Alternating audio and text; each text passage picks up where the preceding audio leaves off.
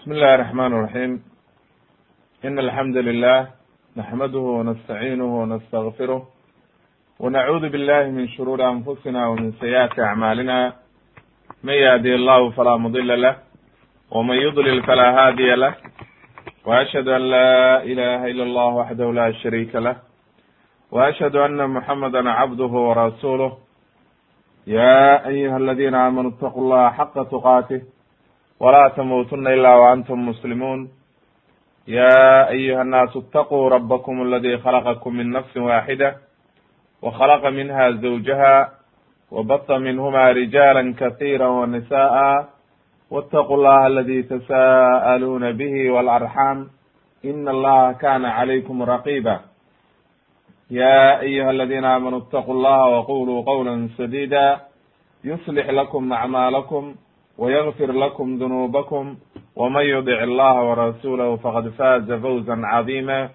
أما بعد فإن أصدق الحديث كلام الله وخير الهدي هدي محمد صلى الله عليه وسلم وشر الأمور محدثاتها وكل محدثة بدعة وكل بدعة ضلالة وكل ضلالة في النار in sha allahu tabaaraka watacaala haddii uu rabi idmo qeybtii labaad oo waxa weeye qisatu ismaaciil calayhi salaam. Ayaynu qeybtii hore soo dhamaynay qeybtii labaad in sha allahu tabaaraka watacaala ayaa halkan ka bilaabanaysa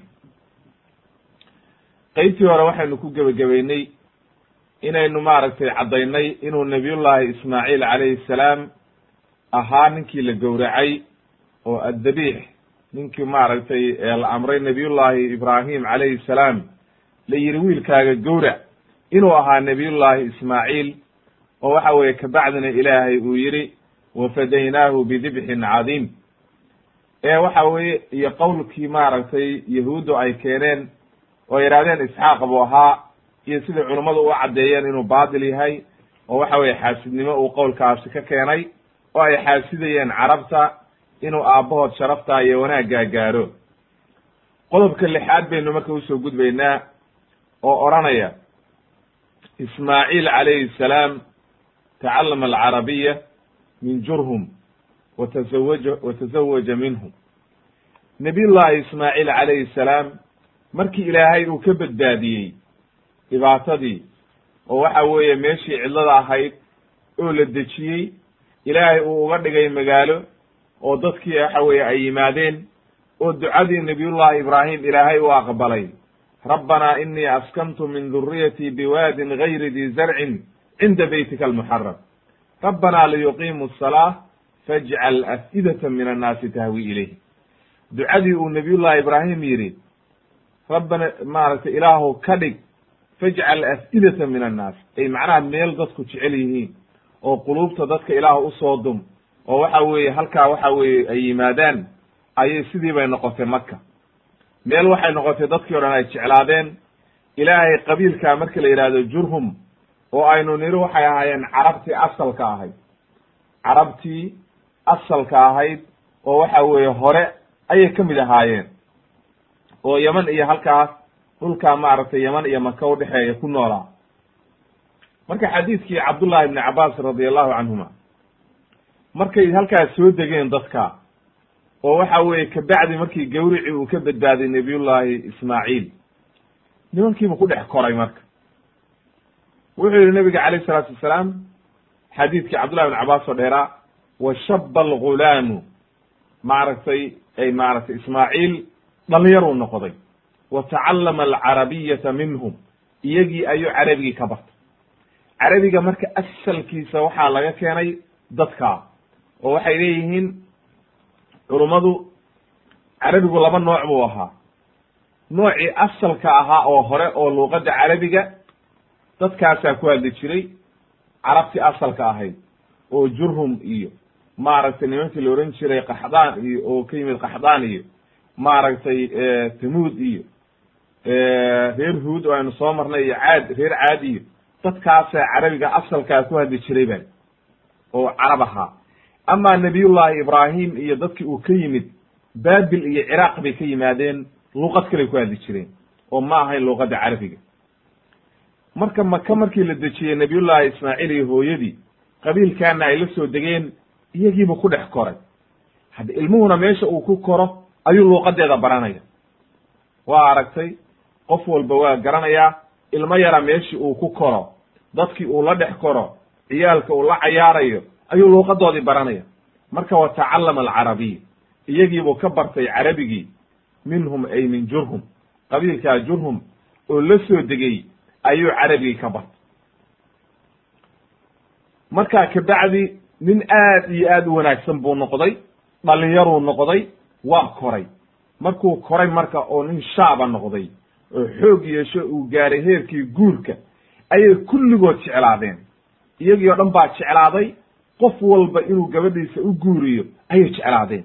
Macnaha wiil aad u wanaagsan qurux leh ilaahay wanaag siiyey sharaf leh oo waxa weeye diintiisa iyo wanaagiisa iyo caqiidadiisu aad iyo aad u fiican tahay buu noqday. oo nin aad iyo aad u fiicanta oo la jecelyaha ayuu noqday. wuxuu leeyahy marka nebiga calayh salatu salaam wa acjabahum xiina shaba markuu dhalinyaro noqday ayay iyagii o dhan jeclaadeen. ay macnaha waxay ragabahum maaragtay fi musaaharatihi ay maaragtay wuu iyagii o dhan waxay jeclaasteen inuu nin walba u guuriyo oo waxa weye nin aad iyo aad loogu kalsoonaaday oo fiican oo dadkii o dhan ay jeclaadeen ayuu noqday wey oo waxa weeye nin xun oo laga cararo ma noqon nabiyullahi ismaaciil calayhi salaam leanna waa nebi ilaahay uu barbaarinayo oo nebinimo iyo dadka halkaa degan oo dhan inuu hadhow maaragtay rasuul looga dhigo ayaa loo barbaarinaya markaasaa waxa weeye ilaahay dadkii quluubtoodii oo dhan baa jeclaatay falama adraka zawajuuhu imra'ata minhum markuu dhalinyaro noqday marka oo xoog yeeshay oo heerkii guurka uu gaaray ayuu wuxuu leeyahay xadiidka cabdullahi ibni cabaas zawaja maaragtay zawajuuhu waa u guuriyeen marka imra'ata minhum gabar waxa weeye kamida iyagii ayay u guuriyeen wuxuu soo guurinayaa xaafid ibn xajar raximahullah fi fatxilbaariga wuxuu soo guurinaya wuxuu yidhi xaka alazraqiyu wuxuu keenay bu yidhi can ibn asxaaq wuxuu ka keenay in la oran jiray magaceeda gabadhaa loo guuriyey camaarata binti sacad. Ibn usama camaarata binti sacad ayaa la oran jiray bay yidhahdeen oo gabadhaa loo guuriyey magacaasay lahayd. Marka waxaa laga yaabaa inay tahay taariikhdii iyo banu israiilki alaha baa garanaya. Kolley waa taariikh wax caqiida ah oo laga qaadanayana ma jirto laakiin waxay leeyihiin gabadhaa loo guuriyey oo waxa weeye markii hore uu guursaday. Gabar kaluu haddana guursan doonaa tanna wuu furi doonaa. Laakiin tan uu markaa hore guursaday camaarata bint sacad baa la odhan jiray ba lii sidoo kale xaka suhayliyo waxa uu yiri suhaylina waxa uu yihi magaceeda waxaa la odhan jiray jidda binti sacad. Marka inay sacad ninkaasi sacad inuu dhalay waa isku itifaaqsan yihiin culamo badan laakiin magaceedii ayaa qaarna waxay yihahdeen camaara la odhan jiray qaarna waxay yihahdeen jidda la odhan jiray waa isku wadaa male oo waxa weye magacyo isku dhow dhow wey wuxuu leeyahy can ibn isxaaq wuxuu leeyahay annahu khadabahaa ilaa abiha fazawajaha minhu. Wuxuu ka doonay aabihi aabaheed oo ninkaas sacad la yidhaahdo oo gabadhii dhalay ayuu ka doonay markaasuu u guuriyey. Oo waxa weye asalkana carabtu dadka carabtaa waxay lahaayeen dhaqan ah gabadha aabaheed in laga doono oo waxa weye markaas uu u guuriyo maaragtay ninkii soo doonay markaa. Sida xadiidkii caaisha ay caddaysay oo waxa weye ka sheekeynayay guurka iyo habka u qaybsami jiray nooca ugu fiican oo carabtu tiqiinay oo asalkaa wuxuu ahaa gabadha in aabaheed laga doono. Waa sida islaamkuna qiray oo waxa weeye saxiixa ama waxa weye in gabadhii lala cararo ama lala dhuunto ama waxa weye aabaheed laga dhaco diinta islaamku ma qabto weeye oo waxaan jirin wey waxa u yidhi marka xadiidka nebi marka halkaa waxaynu ka garanay nabiyullahi ismaaciil calayhi salaam markuu weynaaday oo dhalinyaro noqday oo xoog yeeshay ayuu markaa halkaa wuxuu bilaabay inuu guursado marka. Oo gabadhaa wuxuu guursaday maaragtay camaare la ohan jiray oo waxa weye ninkaas sacad ibnu usama uu dhalay ayuu guursaday bali wa maatat ummu ismaaciil marka hooyadiina waa dhimatay wakti baa ka soo wareegey ninkii xoog buu yeeshay waa guursadoo reer buu yeeshay. Maanta waxa weye waa nin weyn oo isagii ismaamulaya. Hooyadii marka tii rabbi baa u timid halkaa ayay ku dhimatay hooyadii oo waxa weeye geeridii baa u timid way dhimatay maaragtay ilaahay ha u naxariistee radia allahu canha. Ilaahay maaragtay ha ka raali noqdo jannadiisana ha geeye way dhimatay ummu ismaaciil haajara halkaa ayay ku dhimatay marka taariikhda ay dhimatay iyo waktigay dhimatay iyo da'deedii midna lama sheegin. Laakiin waxa weeye way dhimatay ba la yidhi oo halkaasay ku dhimatay. Laakiin xilligaa uu guursaday oo dhallinyarada ahaa oo nin xoog la noqday ayay dhimatay wey marka intuu yaraa ma ay dhimanin. Marka sidaa daraaddeed nabiyullahi ismaaciil wuxuu ku soo barbaaray hooyadii gacanteedii ayuu ku soo barbaaray oo xoogsaday ilaa uu heer gaaray. Waxa weeye halkaas ayaa marka kaaga caddaynaysa kaaga caddaanaysa.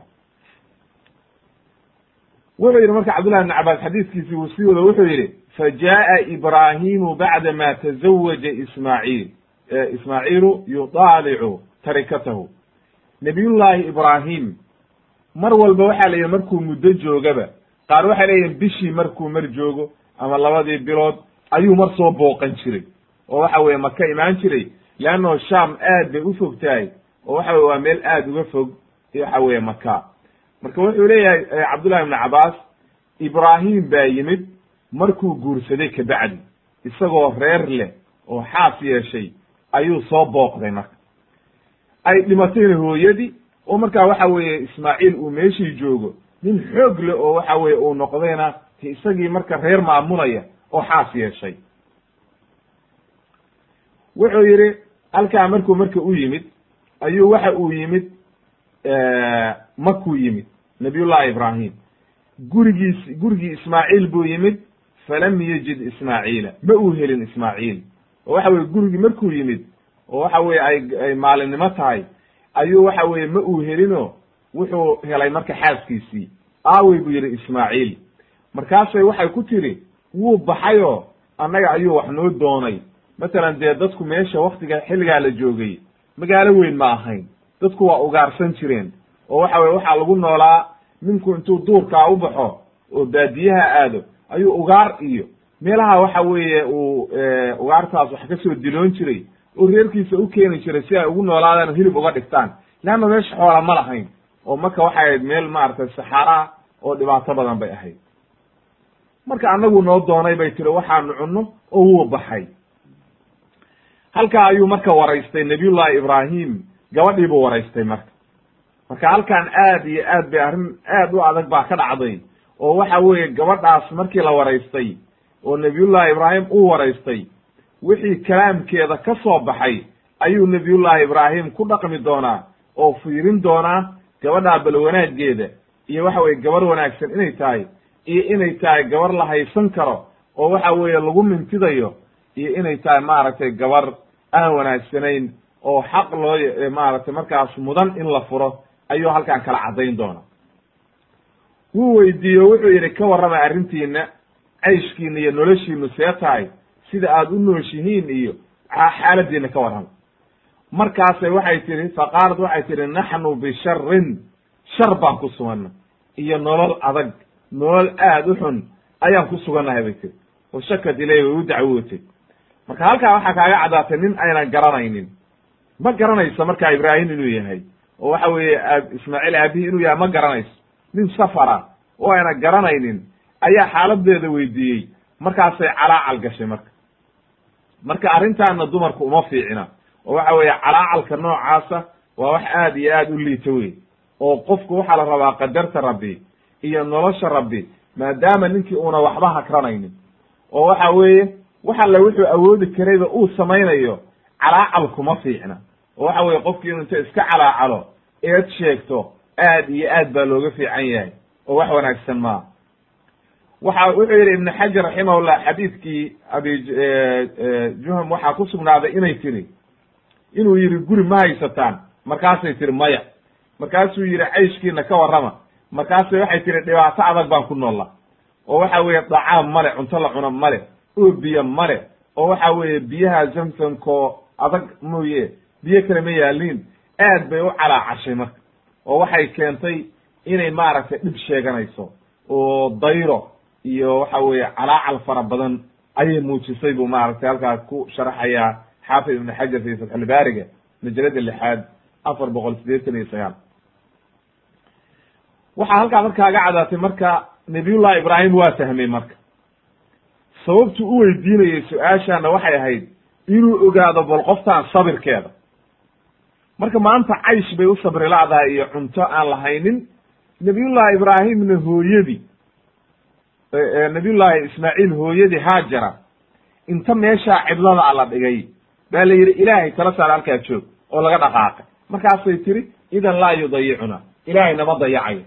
Haddaba marka bal u fiiri nebi haajara radiallahu canha iyo waxa weeye gabadhan uu guursaday ismaaciil farqi aad iyo aad u weyn baa udhexeeya oo dad waxa weye isku dhow maa leanno qofna waxaa la dejiyey waadi cidla ah ilmo yara iyadoo nuujinaysa oo aan biyo lahayn oo aan cunto lahayn oo aan dad lahayn baa looga dhaqaaqay. Markaasay ku sabirtay oo tiri haddii arrintaani arrin xukun rabbi ay tahay waa u sabraya. Oo waxa weeye ilaahgii qaadirka aan kala saarnay. Qoftaana iyadoo magaaladii dedegan yahay oo dadkoodii degan yahay oo waxa weye meeshii magaalo noqotay oo ninkeedii u shaqaynayo oo waxa weye hadba wuxuu soo helo u keenayo ayay calacalaysaa oo eed sheeganaysaa intay ilaahay ku kalsoonaan lahayd oo odhan lahayd alxamdu lilah ilaah noo ziyaadi waxa aadna siisay ay ilaahay ku ku kalsoonaan lahayd. Gabadha dambaa marka ka fiicnaan doonta oo marka dambe uu guursan doono ayaa wanaageeda gaari doonaa marka haddii rabbi idmo marka xadiidka aynu sharxiisaynu wadayna wuxuu ku yidhi marka nabiyullaahi ibraahim waa gartay qoftaanay qof sabir lahayn inay tahay oo qof sabraysa inaysan ahayn. Wuxuu yidhi haddii ninkaagii kuu yimaado anigu waa iska tegayaa kow dhe haddii ninkaagii kuu yimaado igu salaad horta waxaadna ku dhahdaa wa qulii lahu yugayiru catabata baabihi. Wuxuu ninkaasaa ku soo salaamayey wuxuuna ku yidhi dheh doori oo bedel catabata baabika cataba waxaa la yidhahdaa albaabka guriga laga soo galo meesha yartaa loo sameeyo oo xatabada soomaalidu taraado oo lagu istaago markii albaabka la gelayo oo waxa weye albaabka iridiisa ayaa la yidhahdaa marka catabata baabika waa meesha albaabka ku taagan yahay oo saldhiga u ah oo lagu istaago. Meeshaa ha dooriye buu yidhi ha bedel. Marka qoftaan dumarkaa ma ayna fahmin catabata baabika in iyada laga wado oo waxa uu leeyahay naagtaani naag fiican maahee fur. Marka iyadii ma fahmin oo kalaam sarbeeba oo waxa weye laakin ismaaciil fahmi doono ayaa ayuu isticmaalay nabiyullahi ibraahim calayhi salaam.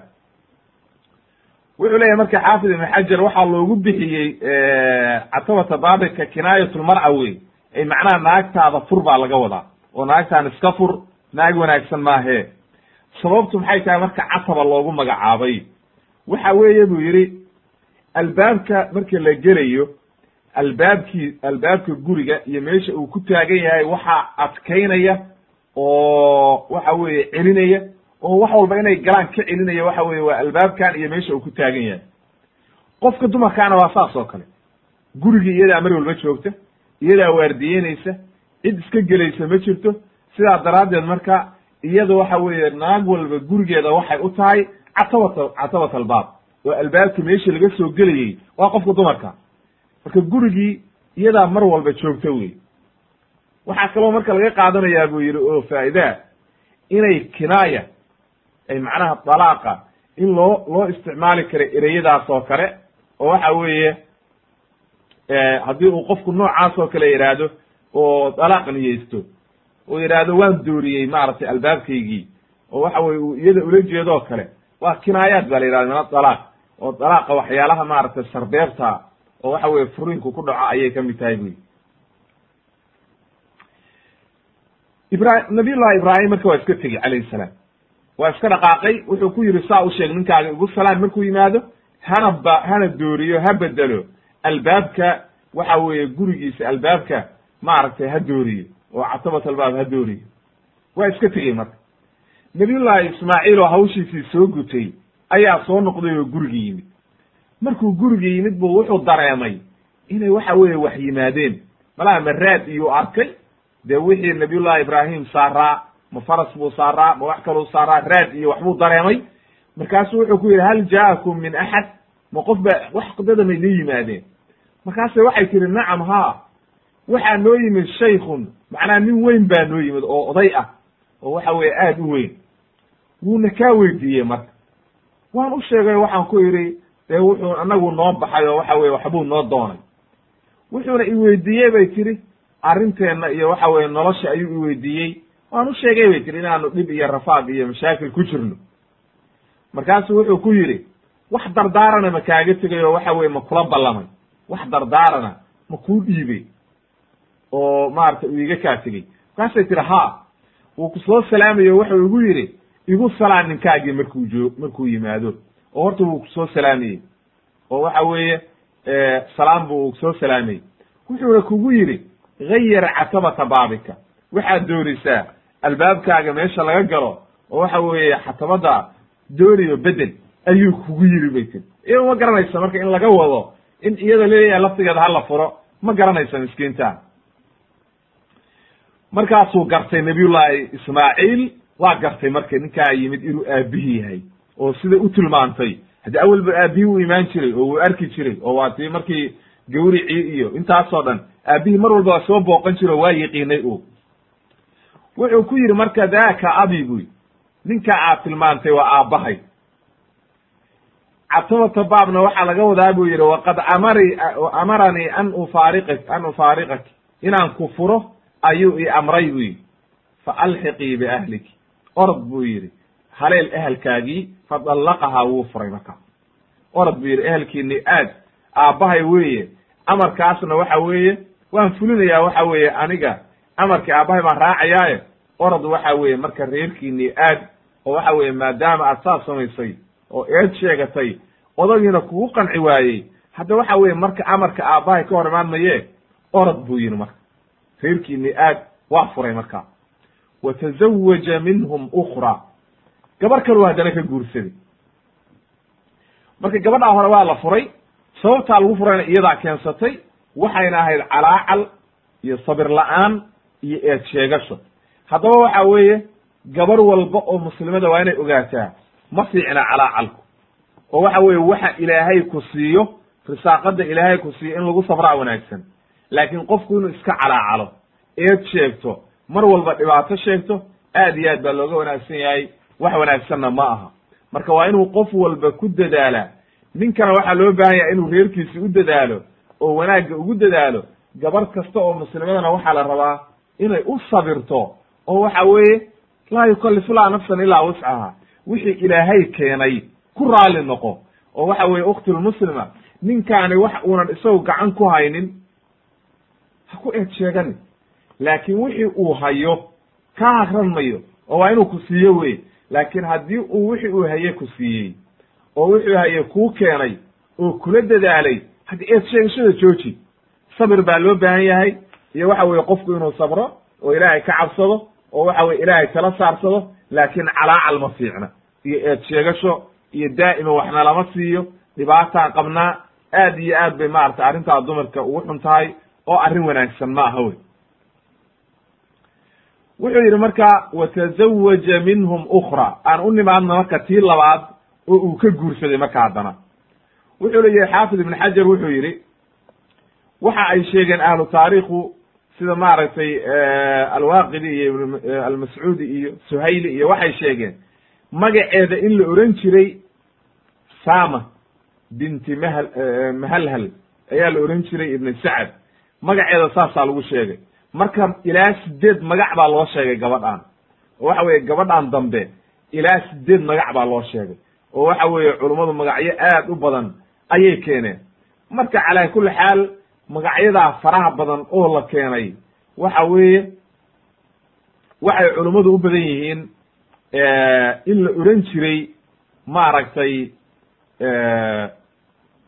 asayidata binti madad ibni camr ayaa la oran jiray ayay u badan yihiin. Leanno xadiidkan oo waxa weye abi juham uu wariyey ayuu leeyahay xaafid ibn xajar waxaa ku sugnaatay inuu ku jirtay xadiidka wa nadara ismaaciilu ilaa bay ilaa binti madad ibni camr faacjabathu fakhadabahaa ilaa abiha fazawajaha haddaba marka qowlka ayaa ugu dhow ayuu leeyahay ibn xajar oo waxa weeye sideed magac intuu keenay qaar waxay yidhahdeen salma la ohan jiray. Qaar waxay yidhahdeen waxaa la ohan jiray haala. Qaar waxay yidhahdeen waxaa la ohan jiray maaragtay magacyo aad u badan bay keeneen oo ilaa sideed magac ayay maaragtay racla qaar baa yidhi. Calaa kulli xaal magacyadu waxay u badan yihiin ninkaa madaad inuu dhalay oo la ohan jiray madaad ibni sacad ninkaa ibni camar inuu dhalay ayay u badan yihiin. Laakiin ilaa sideed magac buu keenay. Isku soo duuduuboo sideeddaa magacba xaasilkeedu waxa uu yidhi ibnu xajar sideeddaa magac ayaa loo sheegay. Afar waxa weeye afar ayaa maaragtay xoogaa qiilay buu yidhi afarta kalena waa daciif. Calaa kulli xaal sida daariquni iyo uu leeyahay magaceeda waxaa la ohan jiray ba la asayidata binti madaad. Ayaa la ohan jiray waxa ka hooseyli qowlkaa ayay culimadu u badan yihiin in la ohan jiray asayidata ibni madaad. Ayaa la ohan jiray ama saama ha la yidhaahdo ama waxa weeye magac kale ha la yidhahdee ninkaa inuu dhalay ayaa loo badinaya oo culammadu u badinayaan. Ibnu xajar baa marka fatxulbaariga ku keenay isagoo aad iyo aad u tacliiqinaya o uga hadlaya majalada lixaad afar boqol sideetan iyo sagaal ilaa afar boqol iyo sagaashan ayuu qowlkaa kaga hadlay oo waxa uu leeyahay maaragtay aathaarta iyo culummada aqwaashoodii iyo axaadiista iyo waxaa ku sugnaat u badan yihiin in la yidhaahdo maaragtay gabadhii ay ahayd asiyidata binti madaad. Gabadha ayuu guursaday ba li nabiyullaahi ismaaciil gabadha ayuu doonay oo reer jurhum ka mid ahayd iyaduna oo qabiilka unbaa meesha deganaa cid kale ile ma deganayne iyagii unbuu ka guursaday haddana. Tii hore markuu furay ayuu nin kale ka guursaday oo gabadhaasi cajabisay.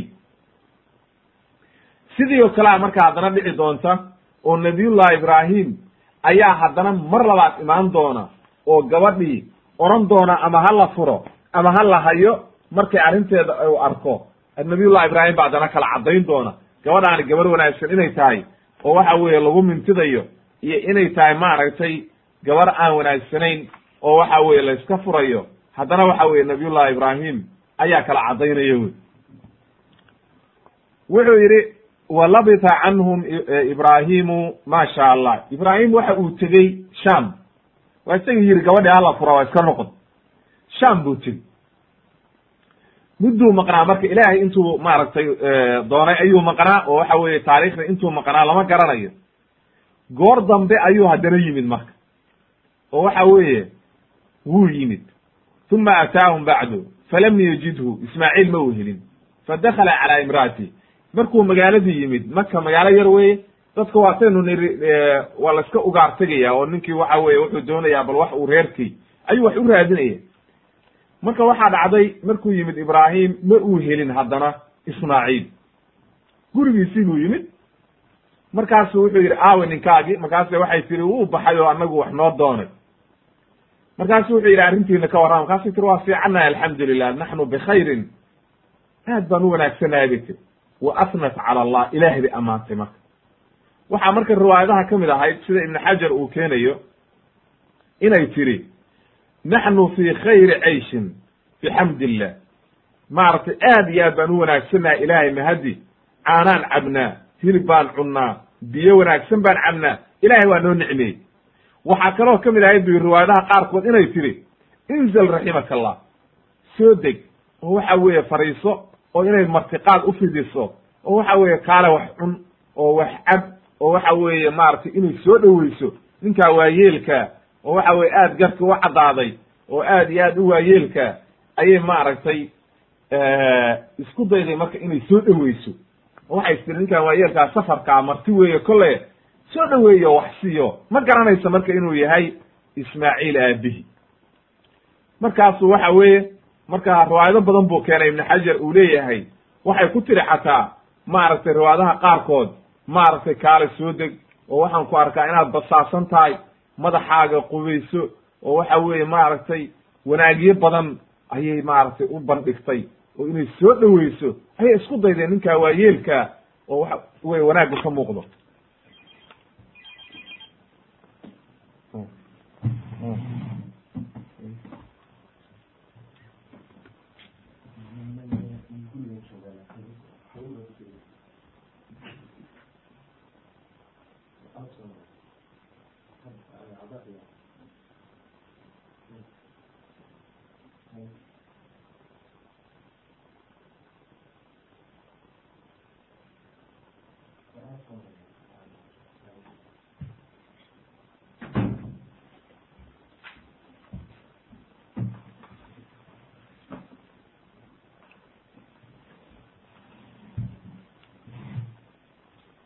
Wuxuu leeyahy marka ibn xajar raximahullah waxay keentay markaa in ay soo dhoweyso oo waxa weye ay isku daydo soo dhoweyn fiican inay ufidiso oo waxa weye ay aad iyo aad isugu dayday buu leeyahay.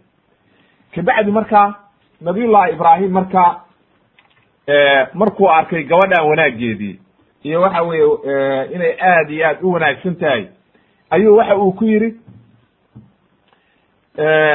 uu iska tegey wuxuu ku yidhi igu salaan ninkaagii markuu yimaado. Oo waxa weeye salaam ayuu waxa weye uga tegey. Oo wuxuu yidhi ninkaagii ma intuuna odhan igu salaam ninkii? Ayuu wuxuu yidhi markay tiri naxnu bikhayrin oo wanaag baan ku sugannahay ayuu wuxuu ku yidhi dhacaamkiinu waa maxay? Markaasu waxa ay tiri hilib baan cunnaa. Oo waa tan dee aynu niri waa la soo uga aranaya marka waxay tiri hilib baanu cunnaa. Wuxuu yidhi sharaabkiinuna markaasay tiri biyo marka biyo iyo hilib ayaanu isku cunnaa. Markaasuu wuxuu ku yidhi allaahuma baarik lahum fi llexmi walmaa ilaahu u barakee hilibka iyo waxa weeye biyaha ilaahayba subxaana qaadirka ayuu u beriyey marka. Ducadaa wanaagsan marka ayuu ugu beriyey nabiyullahi ibraahim. Wuxuu yidhi nebiga calayhi salaatu wasalaam xadiidkii xadiidkaa dhexdiisii waxaa ku sugnay inuu nebigu yidhi walam yakun yowma lahum yowmaidin xabbun miro ma ay lahayn maalintaa oo waxa weeye meesha la odhan jiray maka maalintaa wax miro ah iyo wax ka soo baxayey midna ma jirin. Wuxuu yidhi walow kaana lahum xabbun haddii ay lahaan lahayd maaragtay miro la dacaa lahum fiihi. Hadday miro maalintaa lahaan lahayd oo beera ay lahaan lahaydna wuu u ducayn laha oo sidaa hilibkii iyo biyihii uu ugu duceeyey ayuu beerihiina ugu ducayn lahaa. Oo wuxuu odhan lahaa ilaahu beertiiyo midhahana u barakee nebigu wuxuu yidhi marka calayhi salaatu wasalaam fahumaa laa yakluu min calayhima axadun bigayri maka ila lam yuwaafiqhu. Ay ishtakaa wa marad. Macna waxa weeye wuxuu yidhi nabiga calayhi salaatu wasalaam qof ma jiro biyo iyo hilib keliya ku noolaanaya.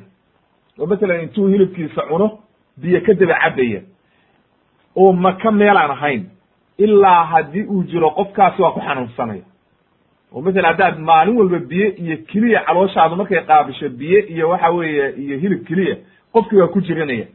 Laakiin maka meesha la yidhaahdo waa aqbalaysaa iyadu.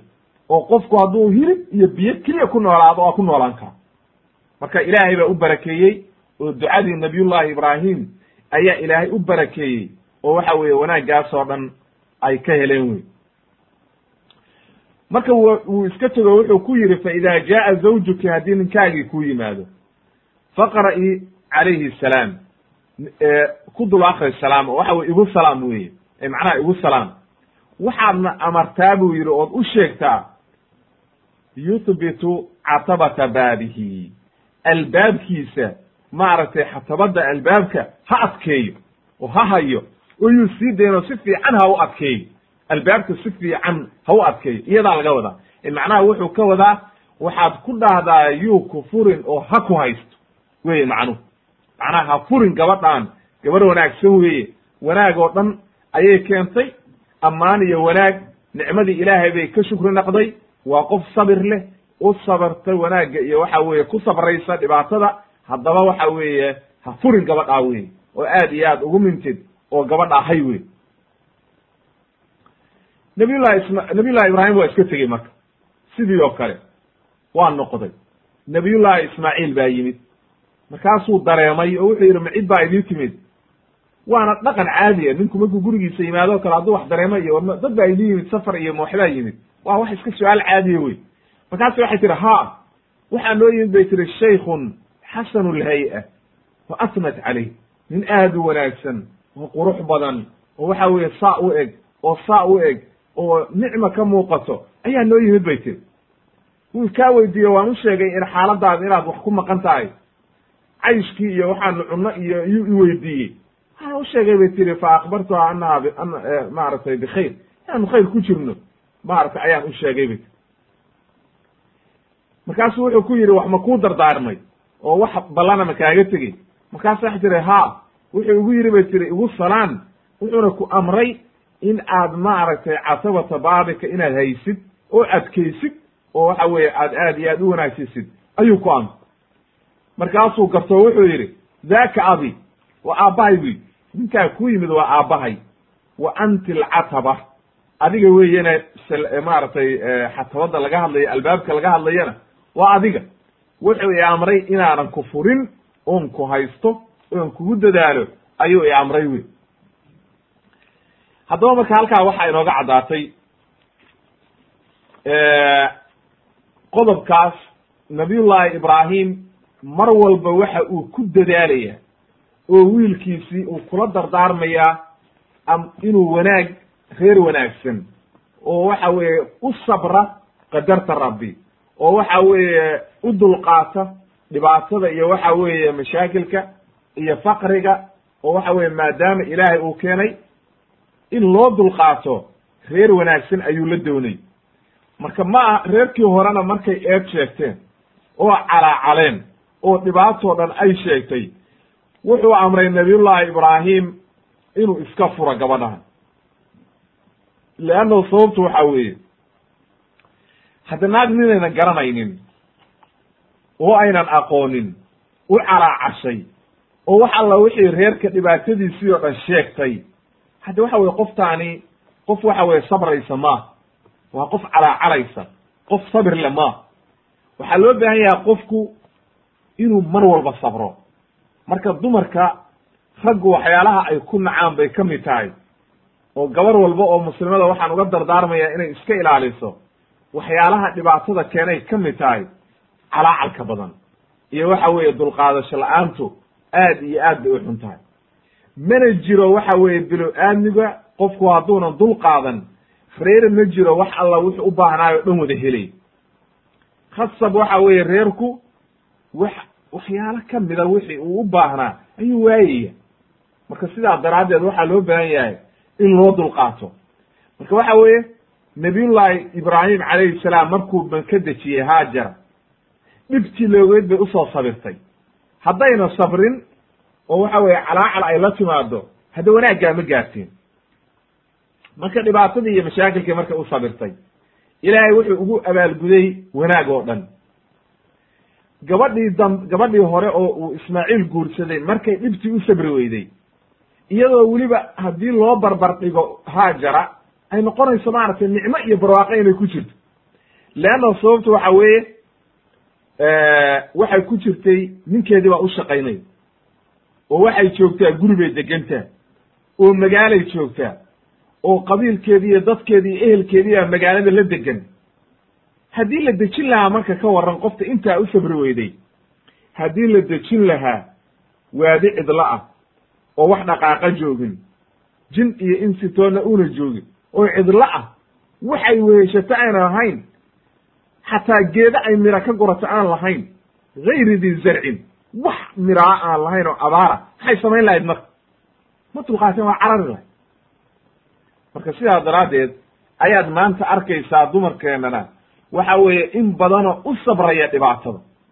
Marka naagta qaymaheeda waxaa lagu ogaadaa iyo wanaaggeeda iyo sharafteeda markay dhibaatada ninka ku dhacdo ama faqri yimaado ama waxa weeye mashaakil yimaado inay u sabirto oo u dulqaadato ma aha naagta laguma ogaan karo nicmada keliya markii lagu jiro wanaagga iyo qosolka iyo nicmada iyo raalliyanimada iyo xaqiiqada waxaa la kala ogaanayaa markay dhibaatada timaado.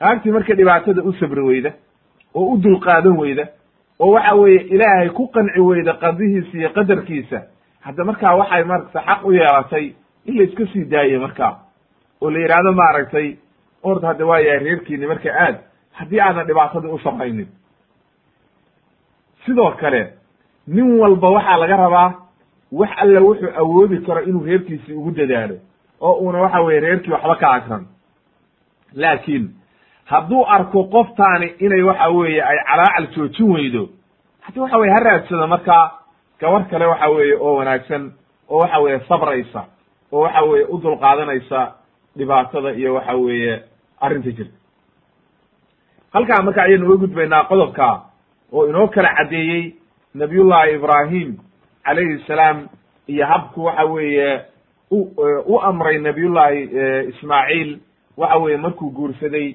inuu waxa weye mar walba arrintiisa la socday oo waxa weye iyo siduu u adeecayay nabiyullaahi ismaaciil aabihi halkaa ayaynu ka garanaynaa.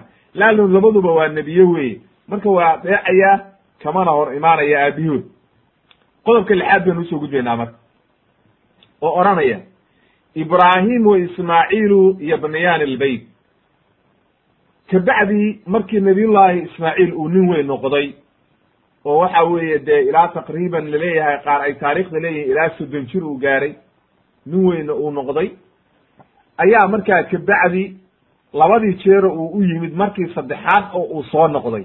Markuu yidhi reerkaan ha haysto oo waxa weeye gabadhaan ha sii daynin. Kabacdi markii saddexaad buu soo noqday wuxuu yidhi xadiidkii cabdullahi ibn cabaas oo dheeraa bukhaari u wariyey uma labita canhum ma sha allah. Wuu noqday oo sham buu ku noqday. Markaa waa joogaa nabiyullahi isxaaqna oo waxa weeye saara wiil bay dhashay oo reerkii halkaa iyo reer kale halkaa degan oo waxa weeye sham buu ku nool yahay baytulmaqdis ayuu joogaa. Uma jaa bacda dalika waa u yimi maalin buu marka markuu soo galay marka ayuu wuxuu helay marka ismaaciil markuu yimidba ismaaciil buu la kulmay oo waxa weeye samaysanaya oo diyaarsanaya maaragtay leebkiisii iyo sahmigii hagaagsanaya oo waxa weeye doonaya inuu maaragtay sahmigiisii intuu diyaarsado. Waxa weye meelahaas ugaarta siduu u soo waxaysan lahaa nabligiisi wixiisii hagaagsanaya ayuu waxa weeye ugu yimid maaragtay taxta dooxatin qariibati min zamzam geed weyn oo waxa weeye u dhow zamsamka ayuu ugu yimid isagoo halkaa iska fadhiya falama ra'aahu marka uu arkay marka ismaaciil baa arkay marka wuu gartay aabihii inuu yahay. Qaama ilayhi waa istaagay marka. Fa sanaca kama yasnacu alwaalidu bilwalad walwaladu bilwaalid. Ay macnaha waa la is mucaaraqa maaragtay waa la isku booday oo la isdhunkaday oo waxa weeye la salaamay oo waxa weeye dee qof waalidkii ka maqnaa ama waalid ilmihiisii aan arag iyo waxa weeye wiil aan aabihii muddo arkin de sida waa waa macruuf weye sida maaragtay ay isugu boodayaan oo isku dhegayaan oo isdhundhunkanayaan oo iswaraysanayaan. Halkaa markii la iswaraystay isma nabiyullahi ibraahim marka markaan wuxuu ku socdaa amar ilaahay oo waxyi min allah ayuu ku socda inuu waxa weeye beytkii ilaahay la dhiso waataynu soo marnay xadiidka markii ugu horreeyey jibriil inuu yidhi wiilkan umuhaajira markuu samsamka biyihii samsamka u soo saaray ilaahay baa u soo saaray oo uu tusay oo meeshii waxa weeye uu biyihii ay ka yimaadeen ayuu waxa uu ku yidhi wax dhibaato ah ka baqi ilaahay kuma dayacayo beytkii ilaahay baa meeshaan ku yaalla waxaana dhisi doona wiilkan iyo aabihi ayuu ku yidhi. Marka sidaa daraaddeed ayaa halkaa waxaa ka caddaatay marka nabiyullahi ibraahim calayhi salaam markuu ismaaciil nin xoog la noqday ayaa la amray. Marka waxaa la yidhi orda haddaba beytka dhisa adiga iyo ismaaciil. Markaasuu sheegay wuxuu ku yidhi ismaaciilow ina allaha amaranii biamrin ilaahay arrin buu i amray. Markaasuu ismaaciil wuxuu ku yidhi aabbow hadda samey wixii ilaahay ku amray. Markaasuu wuxuu yidhi ma igu caawinaysaa oo arrinta maigala qayb qaadanaysaa markaasuu yidhi ha waa ku caawinay. Wax alla wixii ilaahay ku amray diyaar baan waa inaan kula caawiyo. Markaasuu wuxuu yidhi fa ina allaha amaranii an abniya haahunaa beytan wuxuuna ishaaray markaa ilaa akamatin murtaficatin calaa maa xawlaha wuxuu ishaaray meel kor u baxsan. Meeshu waa banaan cidlaa weye laakiin meel yaroo buuran oo ciida oo waxa weeye akama waxaa la yidhahdaa meeshu markay kor u kacsan tahay oo meel yaroo taaga meesha ayaa ilaahay amray inaad guri ka dhiso oo kacbadii inaa halkaa ka dhiso. Markaasay bilaabeen marka. Markaasuu yidhi waa kula dhisayaa tafadal waynu bilaabaynaa marka. Adi cala wa de waxaa marka xadiiskii ku xadsan meesha inuu maaragtay nabiyullahi ismaaciil markaa aabihii soo dhoweeyo gurigii la tegay oo waxa weeye dee martiqaadkii iyo wanaaggii iyo ila reer kale meesha uma jooge nabiyullahi ibraahim markaa ma noqonayo. Meeshii buu dee marka muddaa la joogaya ile guri baa la dhisayaaye wuxuu yidhi fa cinda dalika ayay markaa halkaa markay joogeen. Ayay markaa beytkii inay dhisaan bay bilaabeen. Qawaaciddii iyo aasaaskii ayaa beytkii loo jeexay marka. Ismaaciil wuxuu samaynayey dhagaxuu soo guray. Oo waxa weeye fuundiga iyo shaqaalihiisa oo kale bay kala noqdeen. Nabiyullahi ibraahim waa fuundigii waa dhisaya. Dhagixii iyo dhoobadii isagaa isa saaraya oo derbigii isagii baa dhisaya. Ismaaciilna waa u dhiibaya. Intuu dhagxantii soo guro ayuu u dhiibaya. Waa arta hadda masalan markii guryaha la dhisayo ninka fuundigaa meel kora intuu fuulo ayuu dhisaya oo qorqoraya oo nadaaminaya. Marka waxa weeye nabiyullahi ibraahim booskii fuundiga ayuu galay oo waxa weye isagii baa dhisaya. Habkuu u dhisayana waa waxyi min allah weye ilaahay baa u tilmaamaya halkaas iyo saas iyo saa iyo saa u dhiso intaa ka dhig marka wuxuu sameeyey nabiyullahi ismaaciil dhagixii buu soo guraya waa u dhiibaya ibraahimna waa dhisaya. Xataa ida irtafaca albinaau jaa bi hada alxajar fawadacahu lahu. Marka mar alla markii gurigii dheeraaday marka waa arta markii guriga la dhisayo aasaaska loo dhiso oo derbiga la soo dhiso hadde qofkii markuu ka dheeraado marka waa khasab inuu wax fuulo marka marka nabiyullahi ibraahim gurigii waa dheeraaday wuxuu u baahday marka wax uu ku istaago. Jaran jaro male fuustooyinka hadda lagu istaago oo waxa weye dhaadheer male wax lagu istaagaa loo baahday. Gurigii aad buu u dheeraaday. Marka riwaayad kale waxay ahayd markii uu sida ibn xajar uu keenayo riwaayaddii maaragtay ibraahim ibn naafic waxa uu yidhi xata ida irtafaca albinaau wa dacufa ashayku can naqli lxijaara qaama ala maaragtay cala xajari maqaam ay xajar aswadka wey waxa uu leeyahay riwaayaddaas markii uu isagii daciifay leannahu qofku wax ka dheer ma dhisi karo. Qofku wku wax dhisayo fuundigaahi wax la siman ama ka hooseeya buu dhisi karaa oo nadaamin karaa oo si fiican ugu jeedo. Laakiin wax ka sarreeya qofku ma dhisi karo. Marka wuxuu yidhi xajarul aswadka markaa marka riwaayadaha qaar baa waxay ahaayeen nabiyullahi maaragtay ibraahim markuu arrintii uu halkaa gaaray oo waxa weeye uu meeshaa marayo ayaa markaa waxaa jibriil baa waxa uu la yimid maaragtay xajarul aswadka oo u keenay. Marka riwaayadaha riwaayadahana qaarna waxay leeyihiin nabiyullahi ismaaciil ayaa wuxuu aaday maaragtay dooxada oo dhagax weyn buu raadiyey oo ku istaago ayuu u raadiyey oo waxa weeye uu doono. Marka dhagaxii intuu ku maqnaa qaar waxay leeyihiin dhagaxii buu u keenay waa ku istaagay marka. Markay dhagaxii dhameeyeen marka uu nabiyullahi ibraahim dhisay oo beytkii dhameeyey ayuu markaa qaabilay oo jibriil baa u yimid. Manaasigtii buu baray. Oo jibriil baa u yimid oo waxa uu baray meelihii xajka lagu gudanayo o dhan buu baray. Qaarna riwaayadaha waxay leeyihiin markii uu xajar aswadkan lagu istaagay oo maqaamu ibraahim u istaagay ayaa waxaa u keenay intuunan dhagaxii intuu ku maqnaa ismaaciil ayaa dhagaxan waxa u keenay jibriil. Markaasuu ismaaciil hadhow yimid oo waxa uu yidhi yaa dhagaxaan kuu keenay. Markaasuu yidhi waxa ii keenay maaragtay midaan adiga iyo cid kale midna ee macnaha ilaahay baa ii keenay bu ka wada oo jibriil iigu soo dhiibay ayuu ka wada marka riwaayadaha qaar baa odhanaya fanazla jibriilu bilxajar alaswad xajar aswadka jibriil baa la soo degay oo keenay oo waxa weye halkaa keenay markaasuu nabiyullahi ibraahim iyo ismaaciil sidii ay ku dhiseen marka wuxuu keenayaa ibn xajar raximahullah waxa uu leeyahay nabiyullahi aadam calayhi salaam ayaa markii hore beytkan bilaabay oo riwaayadaha ku sugnaaday buu leeyahay in nabiyullahi aadam calayhi salaam markii uu dhulka yimid in uu waxa weeye ilaahay uu amray inuu beyt ka dhiso. Beytkii buu dhisay aasaas buu u jeexay xoogaa buu taagay.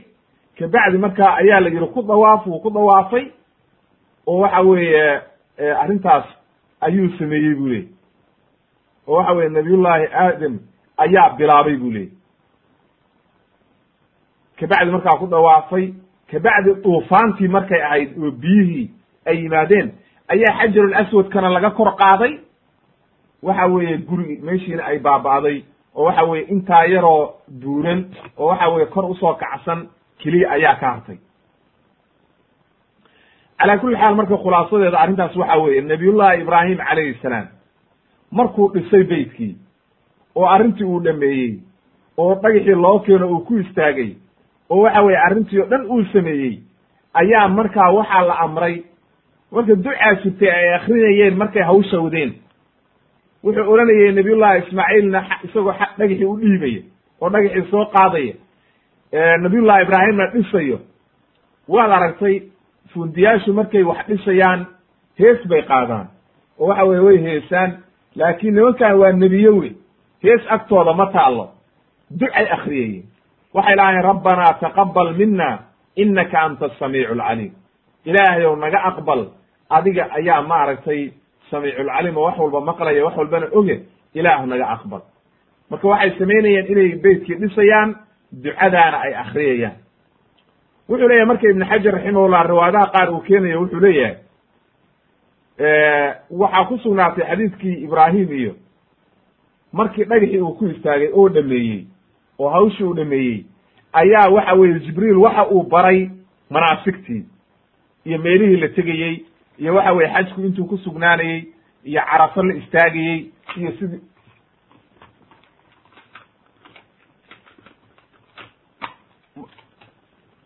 riwaayadihii kalaa ku sugnaanay macnaha inuu manaasigtii oo dhan baray. Manaasigta waxaa la yidhahdaa meelaha la tegayo oo waxa weeye xajka iyo acmaashiisa ayaa la yidhahdaa manaasigta. Marka manaasigtii buu baray buu leeyahay iyo waxa weeye tiirarkii iyo arkaantii xajka ayuu baray. Markaasuu nabiyullahi ibraahim dhawaaqo wuxuu yidhi yaa ayuha annaas kutiba calaykum alxaj wuxuu ilaahay idinku waajibiyey. Xaj baa ilaahay idinku waajibiyey ayuu cabdullahi ibn cabaas laga warinaya. Inuu yidhi nabiyullahi ibraahim sida maaragtay uu leeyahay xaafid ibn xajar bisanadin saxiix.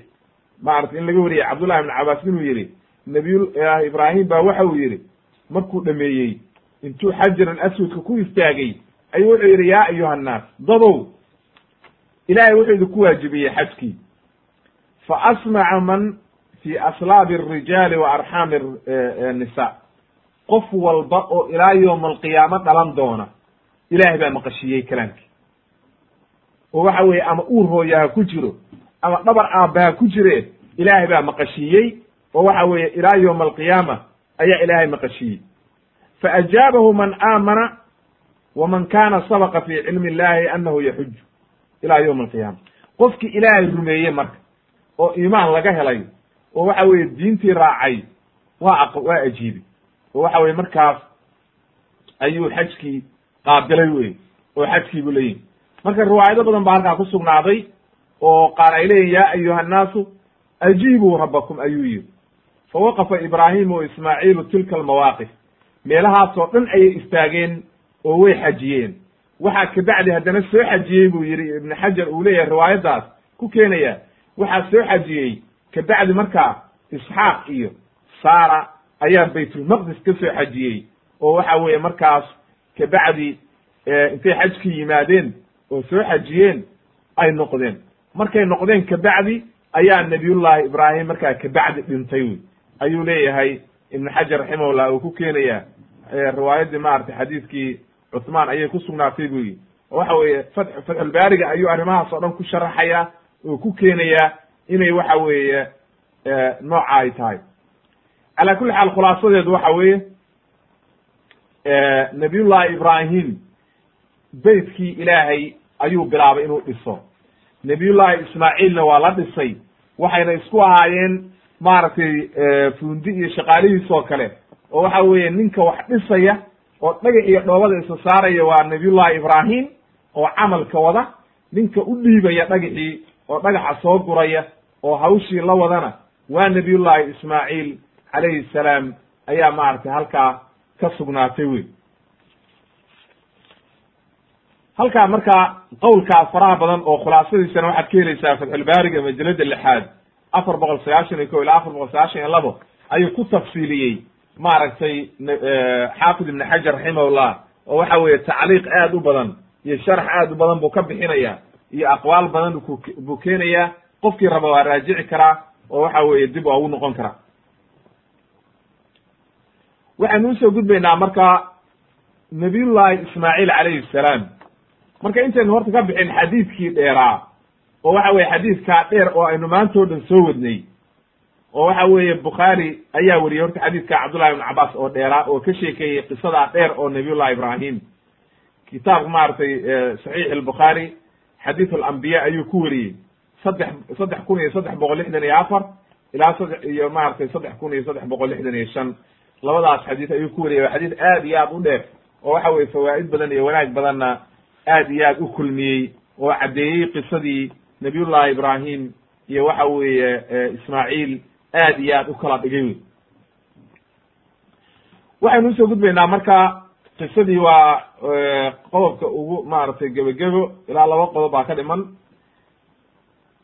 Waa qodobka toddobaad wey sanaa llahi tacaala calaa ismaaciil calayhi salaam. Ilaahay oo ammaanay nebiyullahi ismaaciil ammaantii ilaahay ammaanay ayaynu halkaan markaa ka soo qaadanayna ilaahay waxa uu ku ammaanay nebiyullahi ismaaciil. Awalan ilaahay waa ammaanay wuxuuna ku tilmaamay bilxilmi dulqaad sabir iyo waxa weeye sidq alwacd.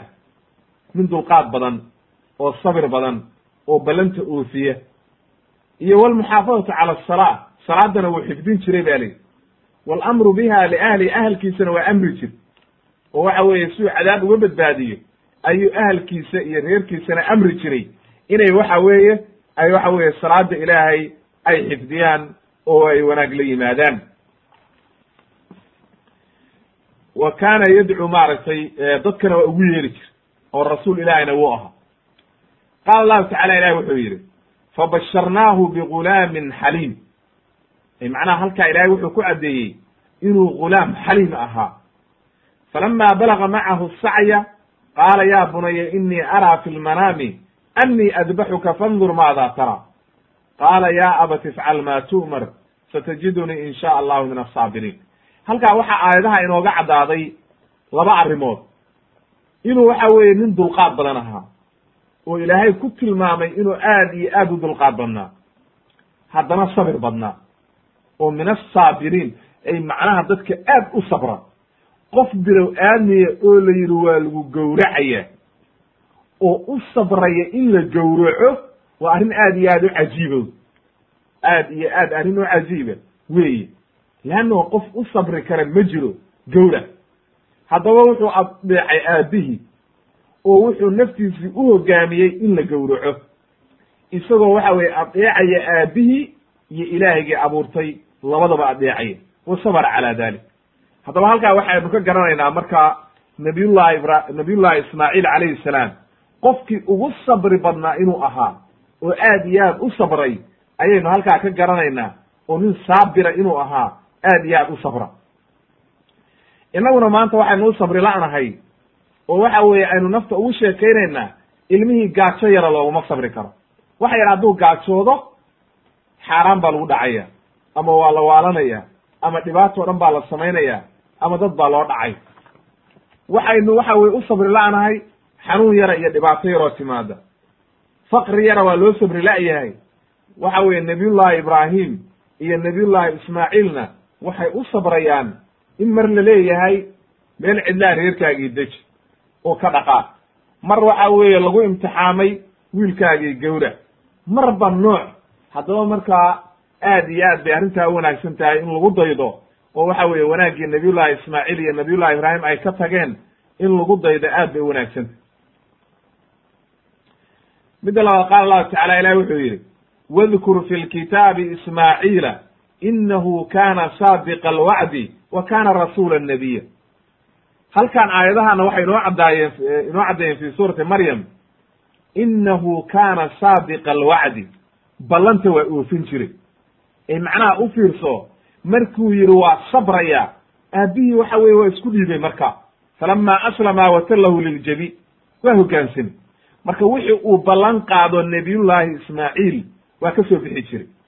Saadiqa alwacdi waa mubaalaqa wey aad iyo aad bu waxa weye u oofin jiray oo waxa weeye u run sheegi jiray oo wacdiga haddii uu wax ballan qaado waa ka dhabin jiray oo run buu ka sheegi jiray oo waxa weye kama bixi jirin wixii uu ballan qaado. Wa kaana rasuula nabiya rasuulna waa ahaa nebina waa ah marka rasuulka iyo nebigu waa laba derajo wey nebinimadu waa in nebi laga dhigo loo waxyoodo. Oo waxa weeye ay masalan dhici karto inaan cidna loo dirin. Laakiin haddii rasuul laga dhigo waa derajo sara wey oo waxa weeye rasuul baa laga dhigay. Cibaadadii ilaahay buu dadka ugu yeerayaa. Tawxiidkii buu dadka gaarsiinayaa. Oo waxa weeye waa nebi iyo rasuul ilaahay uu diray wey wuxuu yidhi marka aayaddaa waxaa la socotay wuxuu yidhi wa kaana ya'muru ahlahu biasalaati wazakaati wa kaana cinda rabbihi mardiya. Waxa uu ahaa ahelkiisa iyo reerkiisa iyo ilmihiisa waxa uu amri jiray salaada inay tukadaan. Oo salaada la yimaadaan ayuu amri jiray wey wa kaana rasul wa kaana cinda rabbihi iyo zakadii inay oofiyaan oo zakadii bixiyaanna wuu amri jiray. Halkaa waxaa ka garatay salaada iyo waxa weeye zakadu akhi lmuslim oo khtilmuslima inay tahay wax nebiyadii oo dhan dadka amri jireen. Oo waxa weeye waa aasaas wey leannahu salaadu waa cibaadadii aad waxa weye jirkaaga ilaahay ku caabudi lahayd jawaarixdaada. Zakaduna waxa weye waa cibaadadii maalka wey labadaba waa inaad u hoggaansantid. Waa aasaaska diinta weeye oo aad iyo aad u wanaagsan inuu qofku labadaa aad iyo aad ugu dadaalo. Wa kaana cinda rabbihi mardiya. Ilaahay agtiisana wuxuu ahaa mid laga raali noqday oo ilaahay raalli geliyey oo la yimid wax alla wixii la amray. Qofkuna wuxuu ilaahay raalli gelin karaa markuu wuxuu ilaahay amrayna la yimaado. Wax alla wixii ilaahay ka nahiyeyna uu banaanka ka maro. Wa qaala tacaala ilaahay waxa uu yidhi fi suurati sad wadkur cibaadana ibraahima wa isxaaqa wa yacquuba ulileydi walabsaar ilahay wuxuu yidhi waxaad sheegtaa oo u sheegtaa dadka addoommadeedii ibraahim iyo isxaaq iyo yacquub iyo dadkaas oo ahaa ulil eydi walabsaar ay ululquwa dad aad iyo aad u awood leh ay cibaadada awood u leh oo daacada ilaahay awood u leh oo waxa weeye aad u sabir badnaa aad iyo aadna u wanaagsanaa ilaahay cilmi iyo wanaag siiyey. Innaa akhlasnaahum bikhaalisatin dikra addaar macal shaahidkeennu waxa weeye wa inahum la min almustafayn alakhyaar wadkur ismaaciila walyasaca wadalkifli kul wa kullu min alakhyaar ikhyaar ayay ahaayeen ba layidhi. Khiyaaru khiyaaru nnaas waxa weye waa dadka dadka ugu wanaagsan. Marka dadkan la sheegay waa duriyadii nabiyullahi ibraahim calayhi salaam. Waxay ahaayeen ba yidhi ilaahay dadka dadka ugu wanaagsan oo aad iyo aad u wanaagsan ayuu ilaahay ku tilmaamay marka sidaa daraaddeed ilaahay waa ammaanay nebiyullahi ibraahim iyo duriyaddiisii isxaaq iyo ismaaciil iyo kulli ilaahay waa ammaanay oo waxay ahaayeen dadka ikhyaarta oo wanaagsan bay ka mid ahaayeen. Haddana sabir buu ilaahay ku ammaanay fii suurati alambiya wuxuu yidhi wa ismaaciila wa idriisa wadalkifli kullu min asaabiriin kuma fiirso. Marka idriis waa inoo soo hormaray ismaaciilna haddaynu ku jirnaa dalkiflina waa inoo imaan doonaa iyo waxa weeye meesha uu ahaa iyo taarikhdiisa marka wuxuu yidhi ilaahay waxay ahaayeen min asaabiriin dadka sabra oo aad iyo aad u sabra ayay ka mid ahaayeen. Wa adkhalnaahum fii raxmatina inahum min alsaalixiin haddana ammaan kale ilaahay wuxuu yidhi jannaa geliyey oo jannadii ilaahay iyo raxmaddii ilaahay ayuu ilaahay waxa weeye uu geeyey. Dadka saalixiintaa bayna ka mid yihiin asaalix waxaa la yidhahdaa man adaaca rabbahu qofki ilaahay adeecay oo waxa weye u hoggaansamay weeye qofka saalixa ilaahay aayad kale wuxuu ku yidhi fi suurati nisa inaa awxaynaa ilayka kamaa awxaynaa ilaa nuuxin wannabiyiina min bacdi nabiyullaahi maxamed markii lala hadlayey nebi maxamed calayhi salaatu wasalaam maaragtay markii lala hadlayay waxa la yidhi waxaanu kuu waxyoonnay sidii aanu nuux iyo nebiyadii ka dambeeyey ugu waxyoonnay yaa ka mid ahaa marka nebiyada wa awxaynaa ilaa ibraahiima wa ismaaciila wa isxaaqa wa yacquuba waalasbaat ilaa aakhiri maaragtay nebiye badan baa la sheegay wa ciisa wa ayuuba wa yunusa wa haaruuna wa sulaymaan wa aataynaa daawuuda zabuura. Marka intaa dambe o dhan waa inoo imaanaysaa ismaaciil baynu hadda ku jirnaa isxaaq waa inoo imaanaya insha allah yacquub iyo waxa weeye asbaadii ciisa asbaadu waa duriyatu yacquub wey waa wiilashii yacquub nabiyullahi ciisa iyo ayuub iyo yunus iyo haaruun iyo sulaymaan iyo daawuud iyo kulli waa inoo imaanayaan insha allahu tabaaraka wa tacaala. Laakiin macalshaahidkeenu hadda waxa weeye nebiyadii ilaahay u waxyooday oo ina amray inaynu raacno oo ku dayanno ayuu ka mid ahaa nabiyullahi ismaaciil calayhi salaam. Ilaahay aayad kale wuxuu ku yidhi isaga oo ku radiyayey yahuuddii oo waxa weeye qowlkoodii baatilkaa lagu radiyayo ayuu ilaahay wuxuu yidhi am taquluuna ina ibraahima wa ismaaciila wa isxaaqa wa yacquuba walasbaada kanuu yahuudan ow nasaara qul a antum aclamu am illah u fiirso halkan waxa weeye waxaa lagu radiyayaa oo ilaahay ka beri yeelay nabiyullahi ismaaciil iyo ibraahim iyo isxaaq iyo yacquub iyo inayna yahuud ahayn nasaarana ahayn gaalana ahayn mushrikiinna ahayn ee ay ahaayeen dad muslimiina oo waxa weeye diinta ilaahay ku taagan ayay ahaayeen. Ilahay wuxuu yidhi marka qul a antum aclamu am illah ma idinkaa ilaahay ka badiya. Marka aad leedihiin ibraahim annagu naga mid ahaa oo waxa weeye yahuud buu ahaa ama nasaaruu ahaa ma idinkaa ilaahay ka badiya wey mise ilaahigii subxaana qaadirkaa ayaa og waxa uu ahaa. Ilaahay baa og wey ilahay cid ka badisa ma jirto. Sidaa daraaddeed marka waxaa halkaana inooga caddaatay nabiyullahi ibraahim nabiyullahi ismaaciil wuxuu ka mid ahaa dadka ilaahay ammaanay oo uu ka mid dhigay rusushiisii iyo waxa weeye islaamkii oo layna amray inaynu ku dayanno. Marka aayadahaasi wuxuu ilaahay inoogu caddeeyey ilaahay sifo kasta oo wanaagsan buu ku ammaanay nabiyullahi ismaaciil. Nebina waa ka dhigay rasuulna waa ka dhigay. Wa bara'ahu min kulli ma nasaba ilayhi ljaahiluun dadka jaahiliintaa sidii yahuudda iyo nasaarada iyo wixii ay maaragtay ku sheegeen oo waxa weeye beentii ay kutubtooda ku qoreenna ilaahay shirkigii iyo wixii ay sheegeen na ilaahay waa ka beriyeelo wuxuu yidhi ma ahayn. Wuxuuna amray aayadaha aakhirkoodii. Ilaahay waa tuu markuu ka soo sheekeeyey nebiyadoo dhan lagu yidhi nebi maxamed ku dayo kuwa. Ulaa'ika aladiina hada allahu fa bihudaahu muqtadi. Ku daya baa la yidhi marka nebiyada.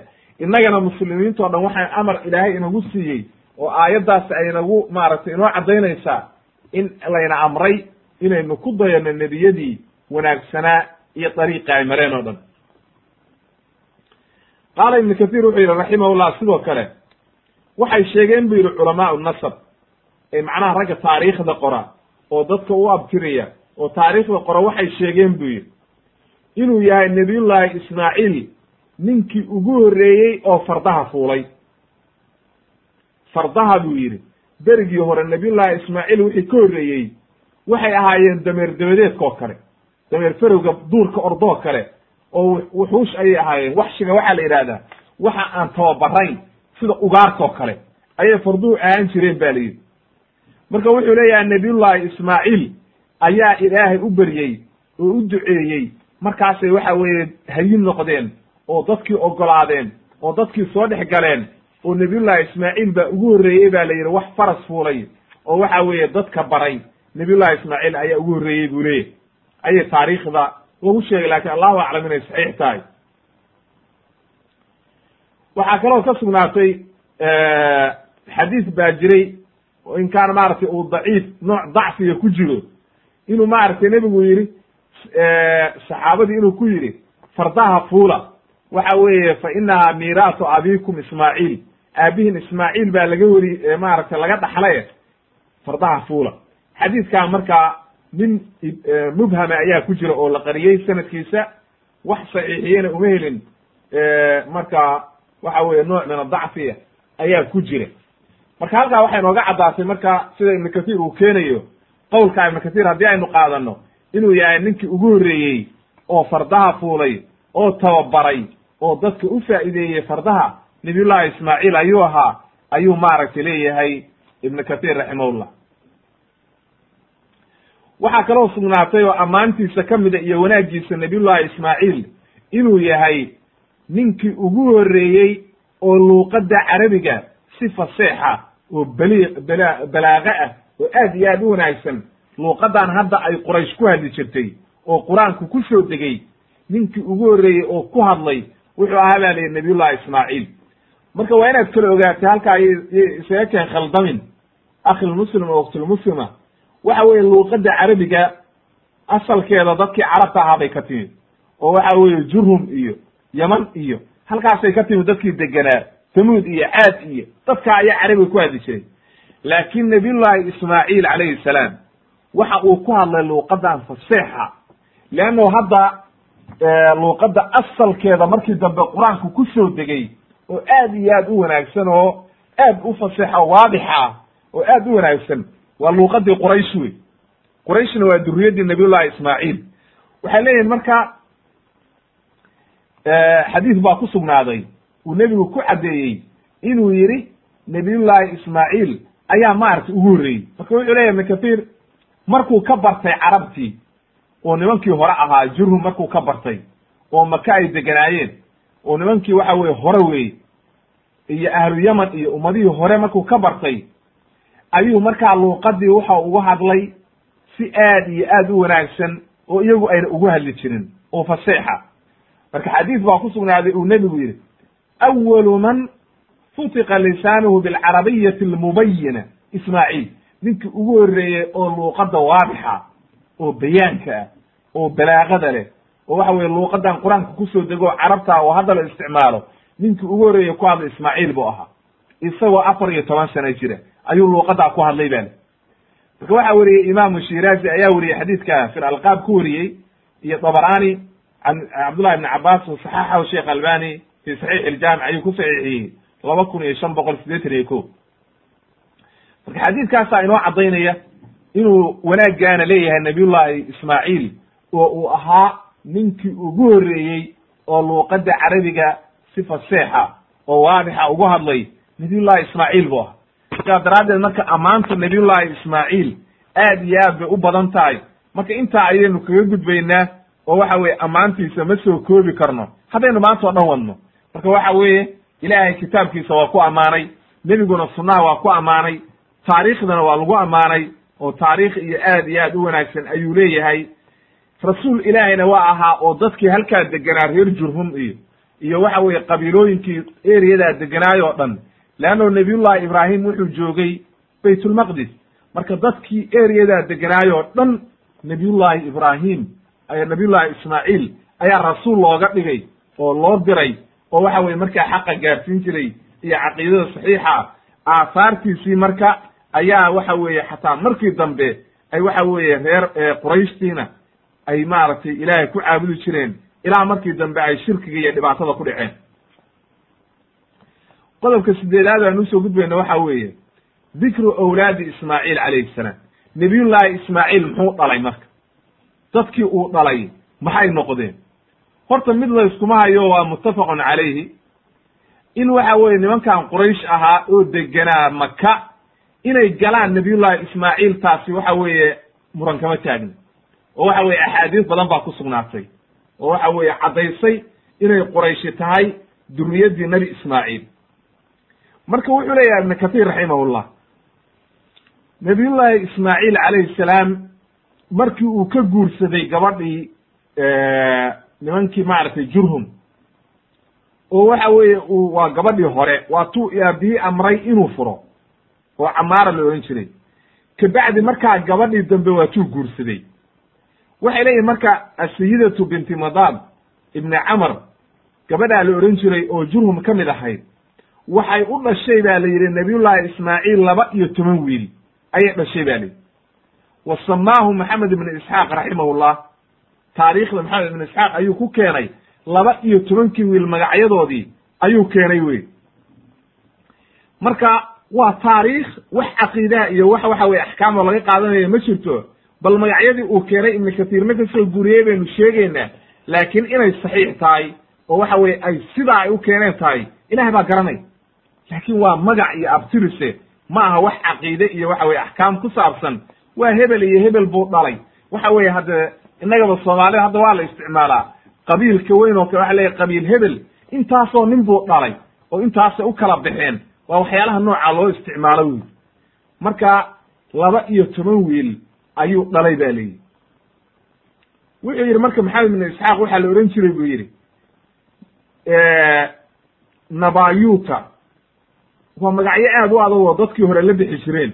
Mid waxaa la odhan jiray nabayuta midna waxaa la odhan jiray kidaru midna waxaa la odhan jiray buu yidhi maaragtay adabil midna waxaa la odhan jiray buu yidhi mibsam kan kale waxaa la odhan jiray buu yidhi mishmaac. Midna waxaa la odhan jiray buu yidhi masha. Midna waxaa la odhan jiray buu yidhi duma waxadaru baa mid la odhan jiray buu yidhi wa yaduuru wa naaqisu wa tima. Taymkaasaa ugu dhow leanno qabiil hadda waxaa jira reer taym la yidhaahdo oo maaragtay banu tami tamiim iyo ayaa laga yaabaa inuu ka yimid ka. Waa qidima calaa kulli xaal waxa weeye laba iyo tobankii buu sheegay iyo magacyadoodii laakiin ilaah baa garanaya siday saxiixi u tahay inay laba iyo tobankaa u dhalay. Leannahu kitaabka qur'aankaa kuma sugnaanin oo waxa weeye axaadiisna kuma sugnaanin. Laakiin ahlu taarikhu waxay leeyihiin laba iyo toban wiil buu dhalay. Sidii nebiyullaahi yacquub uu u dhalay laba iyo toban wiil ayuu wuxuu dhalay bay leeyihiin ismaaciilna laba iyo toban wiil. Allahu aclam marka wax aan ku beeninana ma hayno oo adille aan ku diidnana ma hayno. Marka waa kutubtii reer bani israa'iil ay waa dhici kartaa. Xadiiskii baynu marka ku dhaqmaynaa ahaa laa tusadiquuhum walaa tukadibuuhum xadithuu can bani israa'iil walaa xaraj.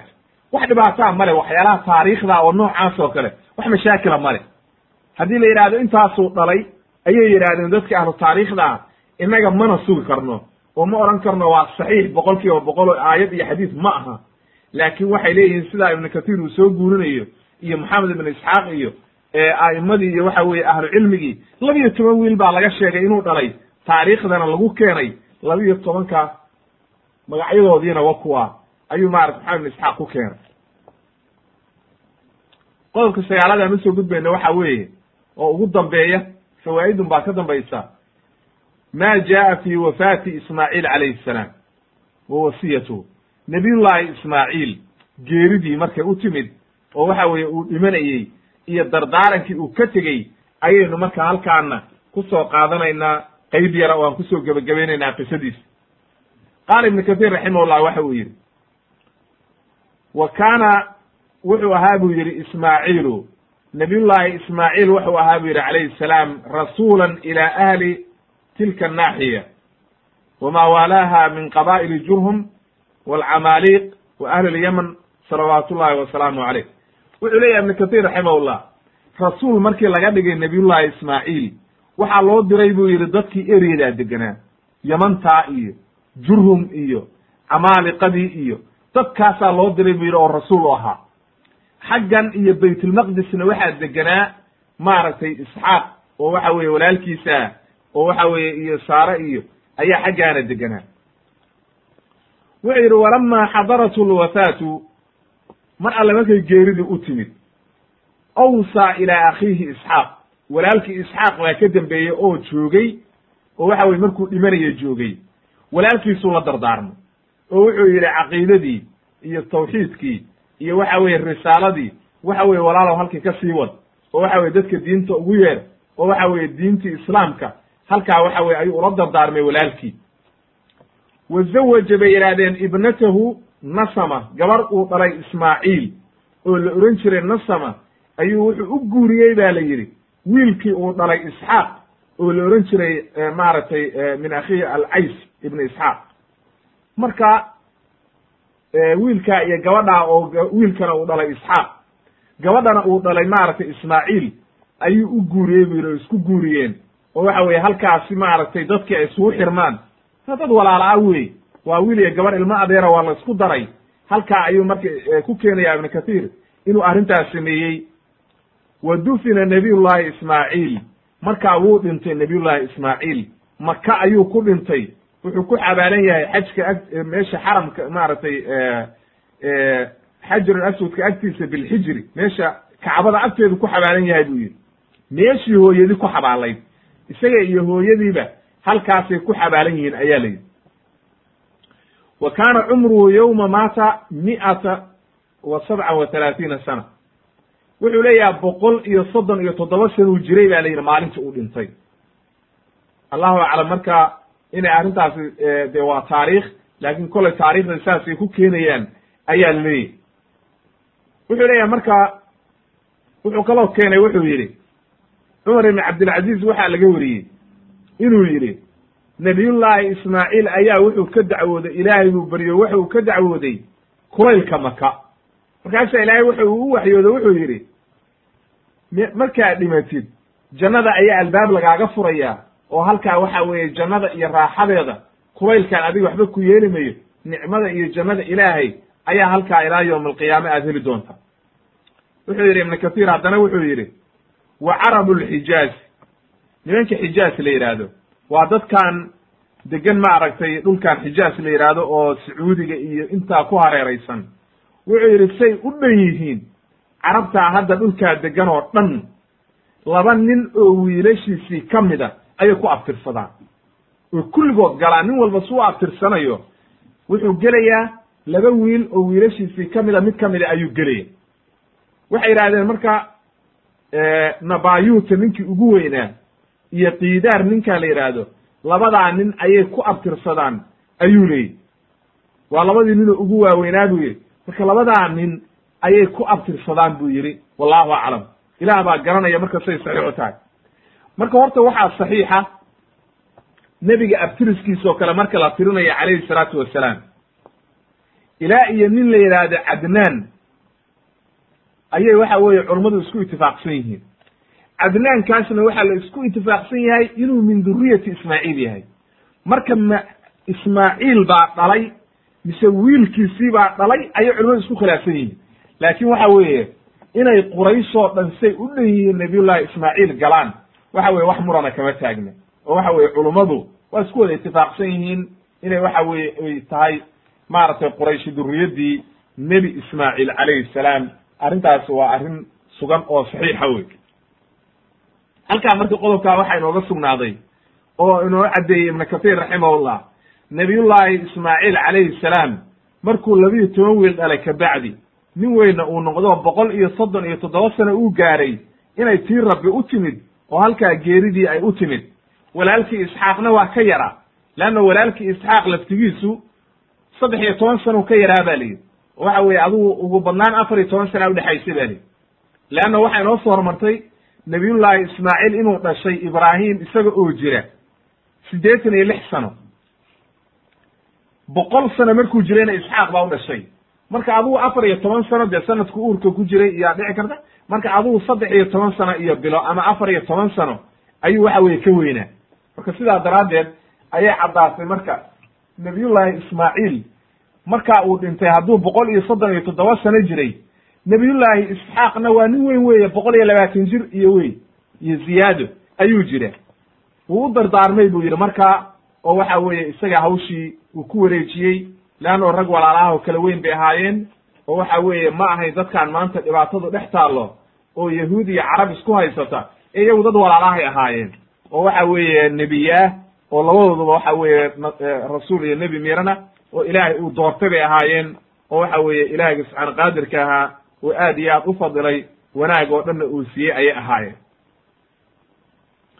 waxaanu ku soo gebagabaynaynaa marka ugu dambaysiinaynaa dhowr faa'ido ayaynu ka soo qaadaynaa oo waxa weye aan ku soo khatimaynaa qisadii nabiyullaahi ismaaciil calayhi salaam oo waxa weye halkaas aynu waxa weeye inoo soo hormarto aan ku caddaynay.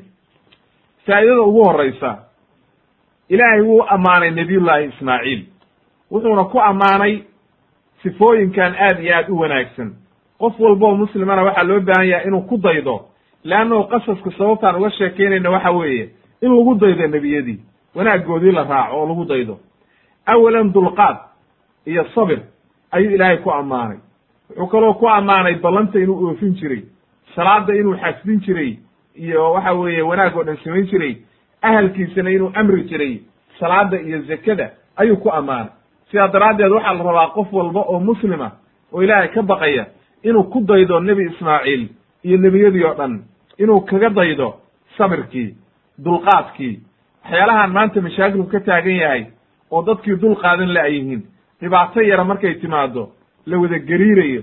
Faqri looma dulqaadan karo oo waxa weeye gaajo looma dulqaadan karo oo xanuun looma dulqaadan karo oo waxa weye qofkii waxyaalo yar yar oo waxa weye u dulqaadan karo ayaad arkaysaa haddana isagoo waxa weye aan u dulqaadanaynin oo intaa waxa weeye dhibaato dhan waxa weye aad iyo aad isku murugeynaya oo mashaakil oo dhan samaynaya. Ballanta in aad iyo aad loo oofiyo waxa weeye waa nebiyada sifadoodii oo waxa weeye haddii ballan lagula galo oofi akhilmuslima waktilmuslima oo ballantii ha ka bixin. Ballan la oofiyana waxa ugu muhiimsan oo ugu wanaagsan ballantii aad ilaahay la gashay. Alastu birabbikum qaaluu bala. Ballantii aad ilaahay la gashay ka soo bax. Akhilmuslima waktilmuslima oo waxaad uga soo baxaysaa amarkiisiina raac. Oo wax alla wixi ilaahay uu ku amray la imow. Wax alla wixi ilaahay kaa nahiyeyna banaanka ka mar markaas ayaad amarkiisii iyo waxa weeye aad ballantii ilaahay uu kula galay markaas ayaad oofin kartaa wey ehelkaagana amar salaada inay tukadaan oo aad iyo aad ugu dadaal inay waxa weeye cibaadada la yimaadaan ilaahayna adeecaan aad iyo aad ugu dadaal zakadana inay bixiyaan.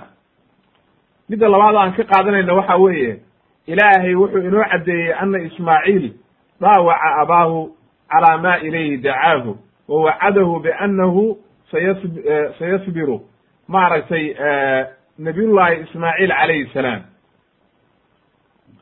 wuxuu ilaahay inoo caddeeyey nabiyullahi ismaaciil inuu aabihii adeecay markuu yidhi aabihii waxaan ku riyooday anoo ku gowracaya wuxuu yidhi aabbo wixii aad ku riyootay oo ilaahay ku amray samee waxa weeye yaa abati ifcal maa tu'mar satajidunii in sha allahu min asaabiriin waxaad helaysaa inaan sabree wixii ilaahay ku amray. Samee buu yidhi. Anigu waa sabrayaa. Ilaahayga subxaana qaadirkaa xukumkiisana waa u hoggaansamayaaye samee wixii lagu amray. Haddaba halkaa waxaa inooga caddaatay nabiyullaahi ismaaciil inuu aabihii adeecay haddaba waxaa loo baahan yahay wax alla wixii aan macsi ahayn waarki waa lagu adeecaya laakiin wax macsiya waarkii lagu adeeci nabiyullahi marka dad baa maanta waxay soban karaan in yidhaahdaan haddii qofkan hala dilo hala gowraco miyayna macsi ahayn? Macsi ma aho waxyi min allahi bay ahayd. Ilaahay baa u waxyooday. Nabiyullahi ismaaciilna wuxuu ogyahay aabihii inuuna ilaahay caasiyaynin oo waxyi min allahi ay tahay waxaan waxa weye la amray inuu oofiyena inay waajib tahay. Wuxuu ballan qaaday marka inuu sabrayo wa wafaa bidalika wuuna oofiyey. Oo waxa weeye wixii uu ballan qaaday wuu ka soo baxay leanna waxa weeye ballanqaadka aad iyo aad ayuu muhiim ugu ahaa oo waxa weye uu oofin jiray wey faa'idada saddexaad ilahay wuxuu inoo caddeeyey. Ilaahay wuxuu inoogu sheegay qisadan ismaaciil nabiyullahi ismaaciil sifo kasta oo wanaagsan wuu ku tilmaamay. Inuu nebi ka dhigay rasuulna ka dhigay buu ku tilmaamay. Haddaba sifooyinkaa wanaagsan oo sabirku ka mid yahay ee runsheegu ka mid yahay ballanta la oofiye ka mid tahay dulqaadku ka mid yahay waxa weeye aad iyo aad u wanaagsan daacatulwaalideyn ay ka mid tahay ayuu ku ammaanay nebiyullaahi ismaaciil ilaahay ha lagu daydo markaa oo qof walba inuu ku daydo wey faa'idada afraad ilaahay wuxuu inoogu caddeeyey qisadan ilaahay wuxuu ka beri yeelay nebiyullaahi ismaaciil wax walba oo dadkii jaahiliintaa ay ku tilmaameen oo yidhaahdeen yahuud buu ahaa mushrik buu ahaa qurayshi waxay lahayd annagu naga mid aha oo mushrikiintii quraysh waxay leeyihiin ibraahim iyo ismaaciil iyo diintoodii baan haysanaa oo idinkaa waxa weye diin cusub la yimid bay kulahaayeen nebi maxamed. Dadka maanta joogana waa dad waxaad arkaysaa jahligu dhibaatada uu leeyahay. Mid baad maanta odhanaysaa war diintan iyo wanaaggaan qaado shirkigaan iyo bidcadan iyo waxaan iska daa. War aabbayaashayaan ku dayanaynaa buu kuleeyahay weligeeda saasay samayn jireen sheikh hebel baan ka soo gaarnay waxaasoo dhan bay la imaanayaan. Sidaa daraaddeed marka ayaa halkaa waxaa ka garanaysaa inayna habboonayn inuu qofku waxa weeye wax baatila uu isaga dheganaado. Haddaba marka qof aadan garanayn wuxuu yahay inaad tiraahid aabbahay baa saa samayn jiray aadan garanayna muhiim ma aha. Muhiimku waxa weeye inaad diinta ilaahay u istaagtid oo wanaagga ilaahay aada qaadatid oo wixii ilaahay ku amra aad ka soo baxdid wey sidaa daraaddeed waxaa loo baahan yahay in lagu daydo nabiyullahi ismaaciil maadaama ilaahay uu ka hufay kana caddeeyey kana beri yeelay inuu waxa weeye uuna mushrik ahayn yahuudna ahayn nasaarana ahayn diintiisuna ahayd diintii saxiixayd oo lagu soo dejiyey nebi ibraahim iyo isagaba inay ahayd diinu xaniif. Ilaahay wuxuu inoogu caddeeyey faa'idada shanaad ana dabiix huwa ismaaciil calayh salam waxaa qisadan inooga caddaatay inuu ninka la gowracay inuu yahay nabiyullahi ismaaciil oo ilaahay maaragtay uu amray nabiyullahi ibraahim inuu gowraco inuu ahaa nabiyullahi ismaaciil. Sida yahuuddu ay sheegayso leedahay isxaaq bu ahaana inay been ahayd. Iyagu kutubtooda ay ku qoreen meeshii ahayd ay bedeleen sidii sheikh islam ibnu taymiya inoo caddeeyey meeshii kutubtooda ku qorayd oo waxa weeye ahayd waxaa la yidhi nabiyullahi ibraahim gowrac wiilkaaga curadkaa ayay waxay ku qoreen. Waxaa la yidhi idbax isxa waladaka isxaaq wiilkaaga isxaaq gowrac. Marka kelimadan isxaaq iyagaa ku bedelay weligoodayna wax taxriifin jireen oo bedelka waa yiqiineen inay kutubta ilaahay bedelaan yuxarifuuna alkelima can mawaadici buu yidhi ilaahay waxay bedelayaan ereygiibay meeshiisii ka bedelayaan oo waxa weye meel kale ayay geynayaan marka taxriifkaa weligood bay yiqiineen wey marka waxaa inoo caddaatay sidii xataa dadkoodii ahlucilmiga ahaa ay caddeeyeen ninkii uu inoo caddeeyey cumar ibn cabdilcaziiz u sheegay oo ahlucilmigooda ka mid ahaa inay og yihiin yahuudu laakiin arrintaa xaasidnimo ay u geysay ayaa inooga caddaatay. Waxaa kaloo inooga caddaatay qisadaani faa'idada lixaad aan ka qaadanayna waxa weeye wujuubu biri lwaalidayn in waalidka la adeeco oo waxa weeye baarinimo loo sameeyo wixii wanaaga lagu adeeco wixii ilaahay ay ku caasiyayaan lagu adeeci mayo laakiin waxyaalaha wanaagsan oo waxa weeye wanaagga oo daacada ah leannahu nabiyullahi ibraahim calayhi salaam ilaahay buu adeecayey marka wiilkiisi inuu ku adeeco waa waajib wey marka isxaaq wuxuu gartay aabbihi inuuna ilaahay caasiyeynin oo arrintaani ay tahay waxyi min allah. Sidaa daraaddeed ayuu ogolaaday oo waxa weeye uu adeecay aabihii haddaba waxaa loo baahan yahay birulwaalidein waa wax aad iyo aad u wanaagsan in la adeecana aad bay u wanaagsan tahay. Jannaana lagu galaa qof walba waa inuu aad iyo aad ugu dadaal. Faa'idada toddobaad waxaynu ka soo qaadanaynaa fadiilatu alwafaa'i bilcahdi waasidqi fi lqowli waalcamal kama facala ismaaciil calayhi salaam. Sida uu sameeyey nabiyullahi ismaaciil in waxa weeye lagu daydo in waxa weeye ballanta la oofiyo. Fadli aad iyo aad u badan bay leedahay. Wanaag baa laga gaaraa aad iyo aad u badan inuu qofku ballanta oofiyo. Leanno qofka munaafiqa aha ballanta oofin. Oo waxaa ka mid ahay xadiidkii calaamaatu lmunaafiq qofka munaafiqa ee uu nebigu inoogu sheegay calaamadaha lagu garto idaa wacada akhlafa. Haddii uu ballan qaado waa gooyaa ballantii waa goynayaa oo waa ka baxaya. Haddaba qofka muslimkaa oo saxiixa oo ilaahay ka cabsanaya iimaanka saxdaa laga helay waxaa lagu yaqaanaa inuu ballantii uu ballan qaaday inuu oofiyo oo ballantii ka soo baxo. Marka dad badan baad arkaysaa maanta jahliga meesha uu gaadhay waxay odhanayaan ballantii dadka muslimiinta ah ay dhigine ballantii gaalada oo kale aynu ballanno. Waxaasoo kale looma baahna. Waa inuu qofku yidhaahdaa ballan qof muslima oo ilaahay ka cabsanaya ballantiisu waa inuu ballantii ka soo baxo. Ballantaasoo kalea la ballamaa. Laakiin yaan lagu dayanin gaaladii ballan ma yaqaaniin leanno ilaahay bay ballantiisii ka baxeen oo waxa wax ballano ay leeyihiin ma jirto wey ballantuna laba arrimood bay ku timaadaa oo waxa weeye wacdiga iyo ballantu ama qowl ha noqoto ama ficil ha noqotee waa labadaa mid ka mida inaad marka ficilkii aad tiri waa samaynayaana inaad la timaadid qowlkii aad ballan qaadayna inaad samaysid ayaa lagaa rabaa. Midda sideedaad waxaynu ka soo qaadanaynaa in lagu daydo dadkii wanaagsanaa fadiilada iyo wanaagga ay leedahay waliqtidaa'u fi lkhayr khayrki iyo wanaaggii looga daydo sabirkoodii iyo wanaaggoodii iyo waxa weeye diinta say ugu dadaalayeen iyo cibaadada saxiixa iyo nebiyadii in lagu daydo oo kutusaya maaragtay qisadan ismaaciil inaynu ku dayano wanaaggiisii ayaa aad iyo aad u wanaagsan. Faa'idada side sagaalaad waxa weeye fi fi siyar الsaalixiin mawaacidun wa fi qasasi almaadiina cibarun liman tadabbara fi axwaalihim waxa weeye siiradii dadkii saalixiinta ah oo waxa weeye nebiyadii iyo taariikhdoodii iyo qasaskoodii in la akriyo waxaa ku jirta cibar aad u fara badan. Waxyaalo aad iyo aad u wanaagsan ayuu qofku ka helayaa laakiin waa qofkii ku fekera oo ku tadabbura oo waxa weeye markaas si saxa waxa weeye arrintaa uga faa'idaysta wey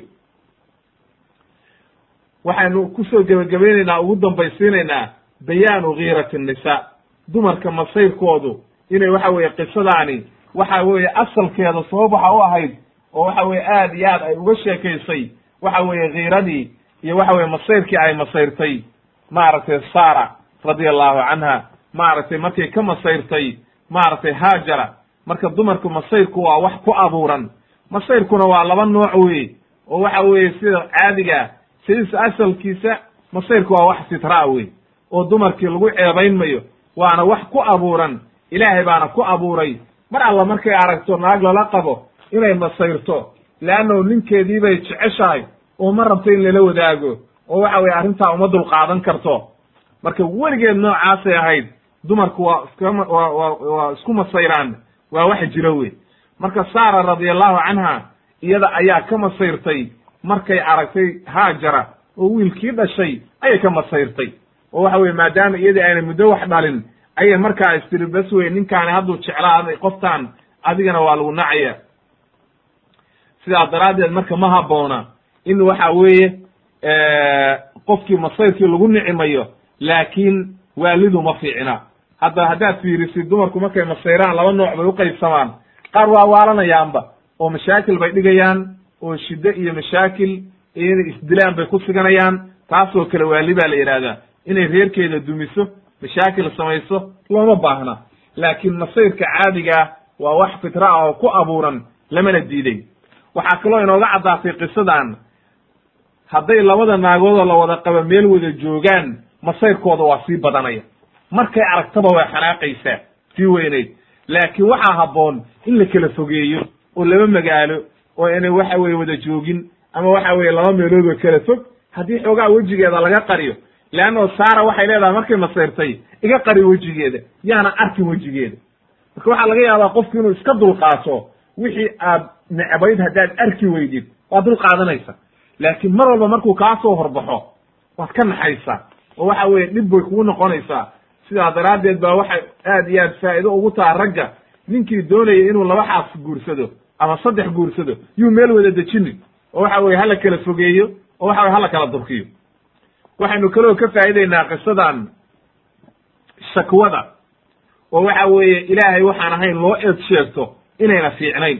Leannahu nabiyullahi ibraahim calayhi salaam wiilkiisii ismaaciil wuxuu amray inuu furo xaaskiisii. Sababtu u amray inuu furona waxay ahayd waa calaacalkii marka sidaa daraaddeed ma fiicna calaacalku dumarka aad iyo aad ayay ugu xun tahay inay waxa weeye calaacasho lama rabo. Waa inay dul qaadato oo u sabirto wixii ilaahay keeno ay ku sabirto. Ee ayna calaacalin oo waxa weeye dhibaato iyo mashaakil iyo waxa weye eed sheegasho looma baahna. Marka qofku waa inuu u sabraa marka nabiyullaahi saddexdaa dumarka oo waxa weeye haajara iyo waxa weeye xaaskii ismaaciil uu guursaday markii hore oo camaaro la ohan jiray iyo tii dambe oo waxa weeye asayidatu binti madaan saddexdaasaa tusaale inoogu filan. Haajara waxay u sabirtay faqri cidla meel oo masooro ah oo aan biyo lahayn oo aan dad joogin oo wax dhaqaaqa joogin ayay u sabirtay. Markaasaa ilaahay wuxuu ku abaalmariyey fadligaa iyo wanaaggaa iyo inay gaartay maaragtay derajo aad iyo aad u sarraysa fi dunya waalaakhira gabadhii markuu guursaday ismaaciilna waxay u sabri weyday iyadoo ehelkeedii la joogta oo dadkeedii la joogta oo waxa weeye bay eed sheegasho iyo waxa weeye faqri iyo dhibaato yaroo timid oo ninkeeda u shaqaynayo ayay u sabri weyday tii dambana waa ku sabirtay oo waxa weeye wanaag ayay sheegatay iyadoo weliba faqrigii sidii yahay oo wax isbedelay aan jirin ayay ilaahay u sabirtay oo waxa weeye nicmiyo wanaag iyo waxa weeye wanaag oo dhan odagii markuu yimid ayay wanaag oo dhan u sheegtay. Haddaba waxa weeye dumarku ay iska ilaaliyeen waa faa'iido wey calaacalka la iska daayo oo waxa weye yaan la calaacalin oo waxa weeye ma fiicna calaacalka iyo eed sheegashadu arrin aad iyo aad u xun wey intaa marka ayaan ku soo gebagabaynayaa qisatu maaragtay ismaaciil calayhi salaam wax alla wixii khalada oo aan maaragtay iga dhacayna ilaahay baan uga toobad keenayaa wax alla wixii saxana ilahayga subxaana qaadirkaa baan ugu shukri naqayaa oon leeyahay rabbi zidnii cilma ilahu rabbi ii ziyaadi ilahay waatuu yihi lain shakartum laaziidanakum qofku hadduu ilaahay wanaagga ugu shukri naqo ilahay waa u ziyaadiyaa. Qof idin qof walba oo waxa weeye wax khalada ku arkana waxaan leeyahay ilaahayda ka dhiga aladiina yastamicuuna alqowla fayatabicuuna axsanah inta wanaagsan inaad raacdaan inta xunna banaanka ka martaan wixii khalada anigana waxa weeye ilahay baan uga toobad keenaya wixii khalada. Wasubxaanaka allahuma wabixamdika ashhadu an laa ilaha ila anta astagfiruka waatuubu ilayk. Wsala allahu cala nabiyina muxamedi wa alihi wa saxbihi wasalam walxamdu lilahi rabi alcaalamiin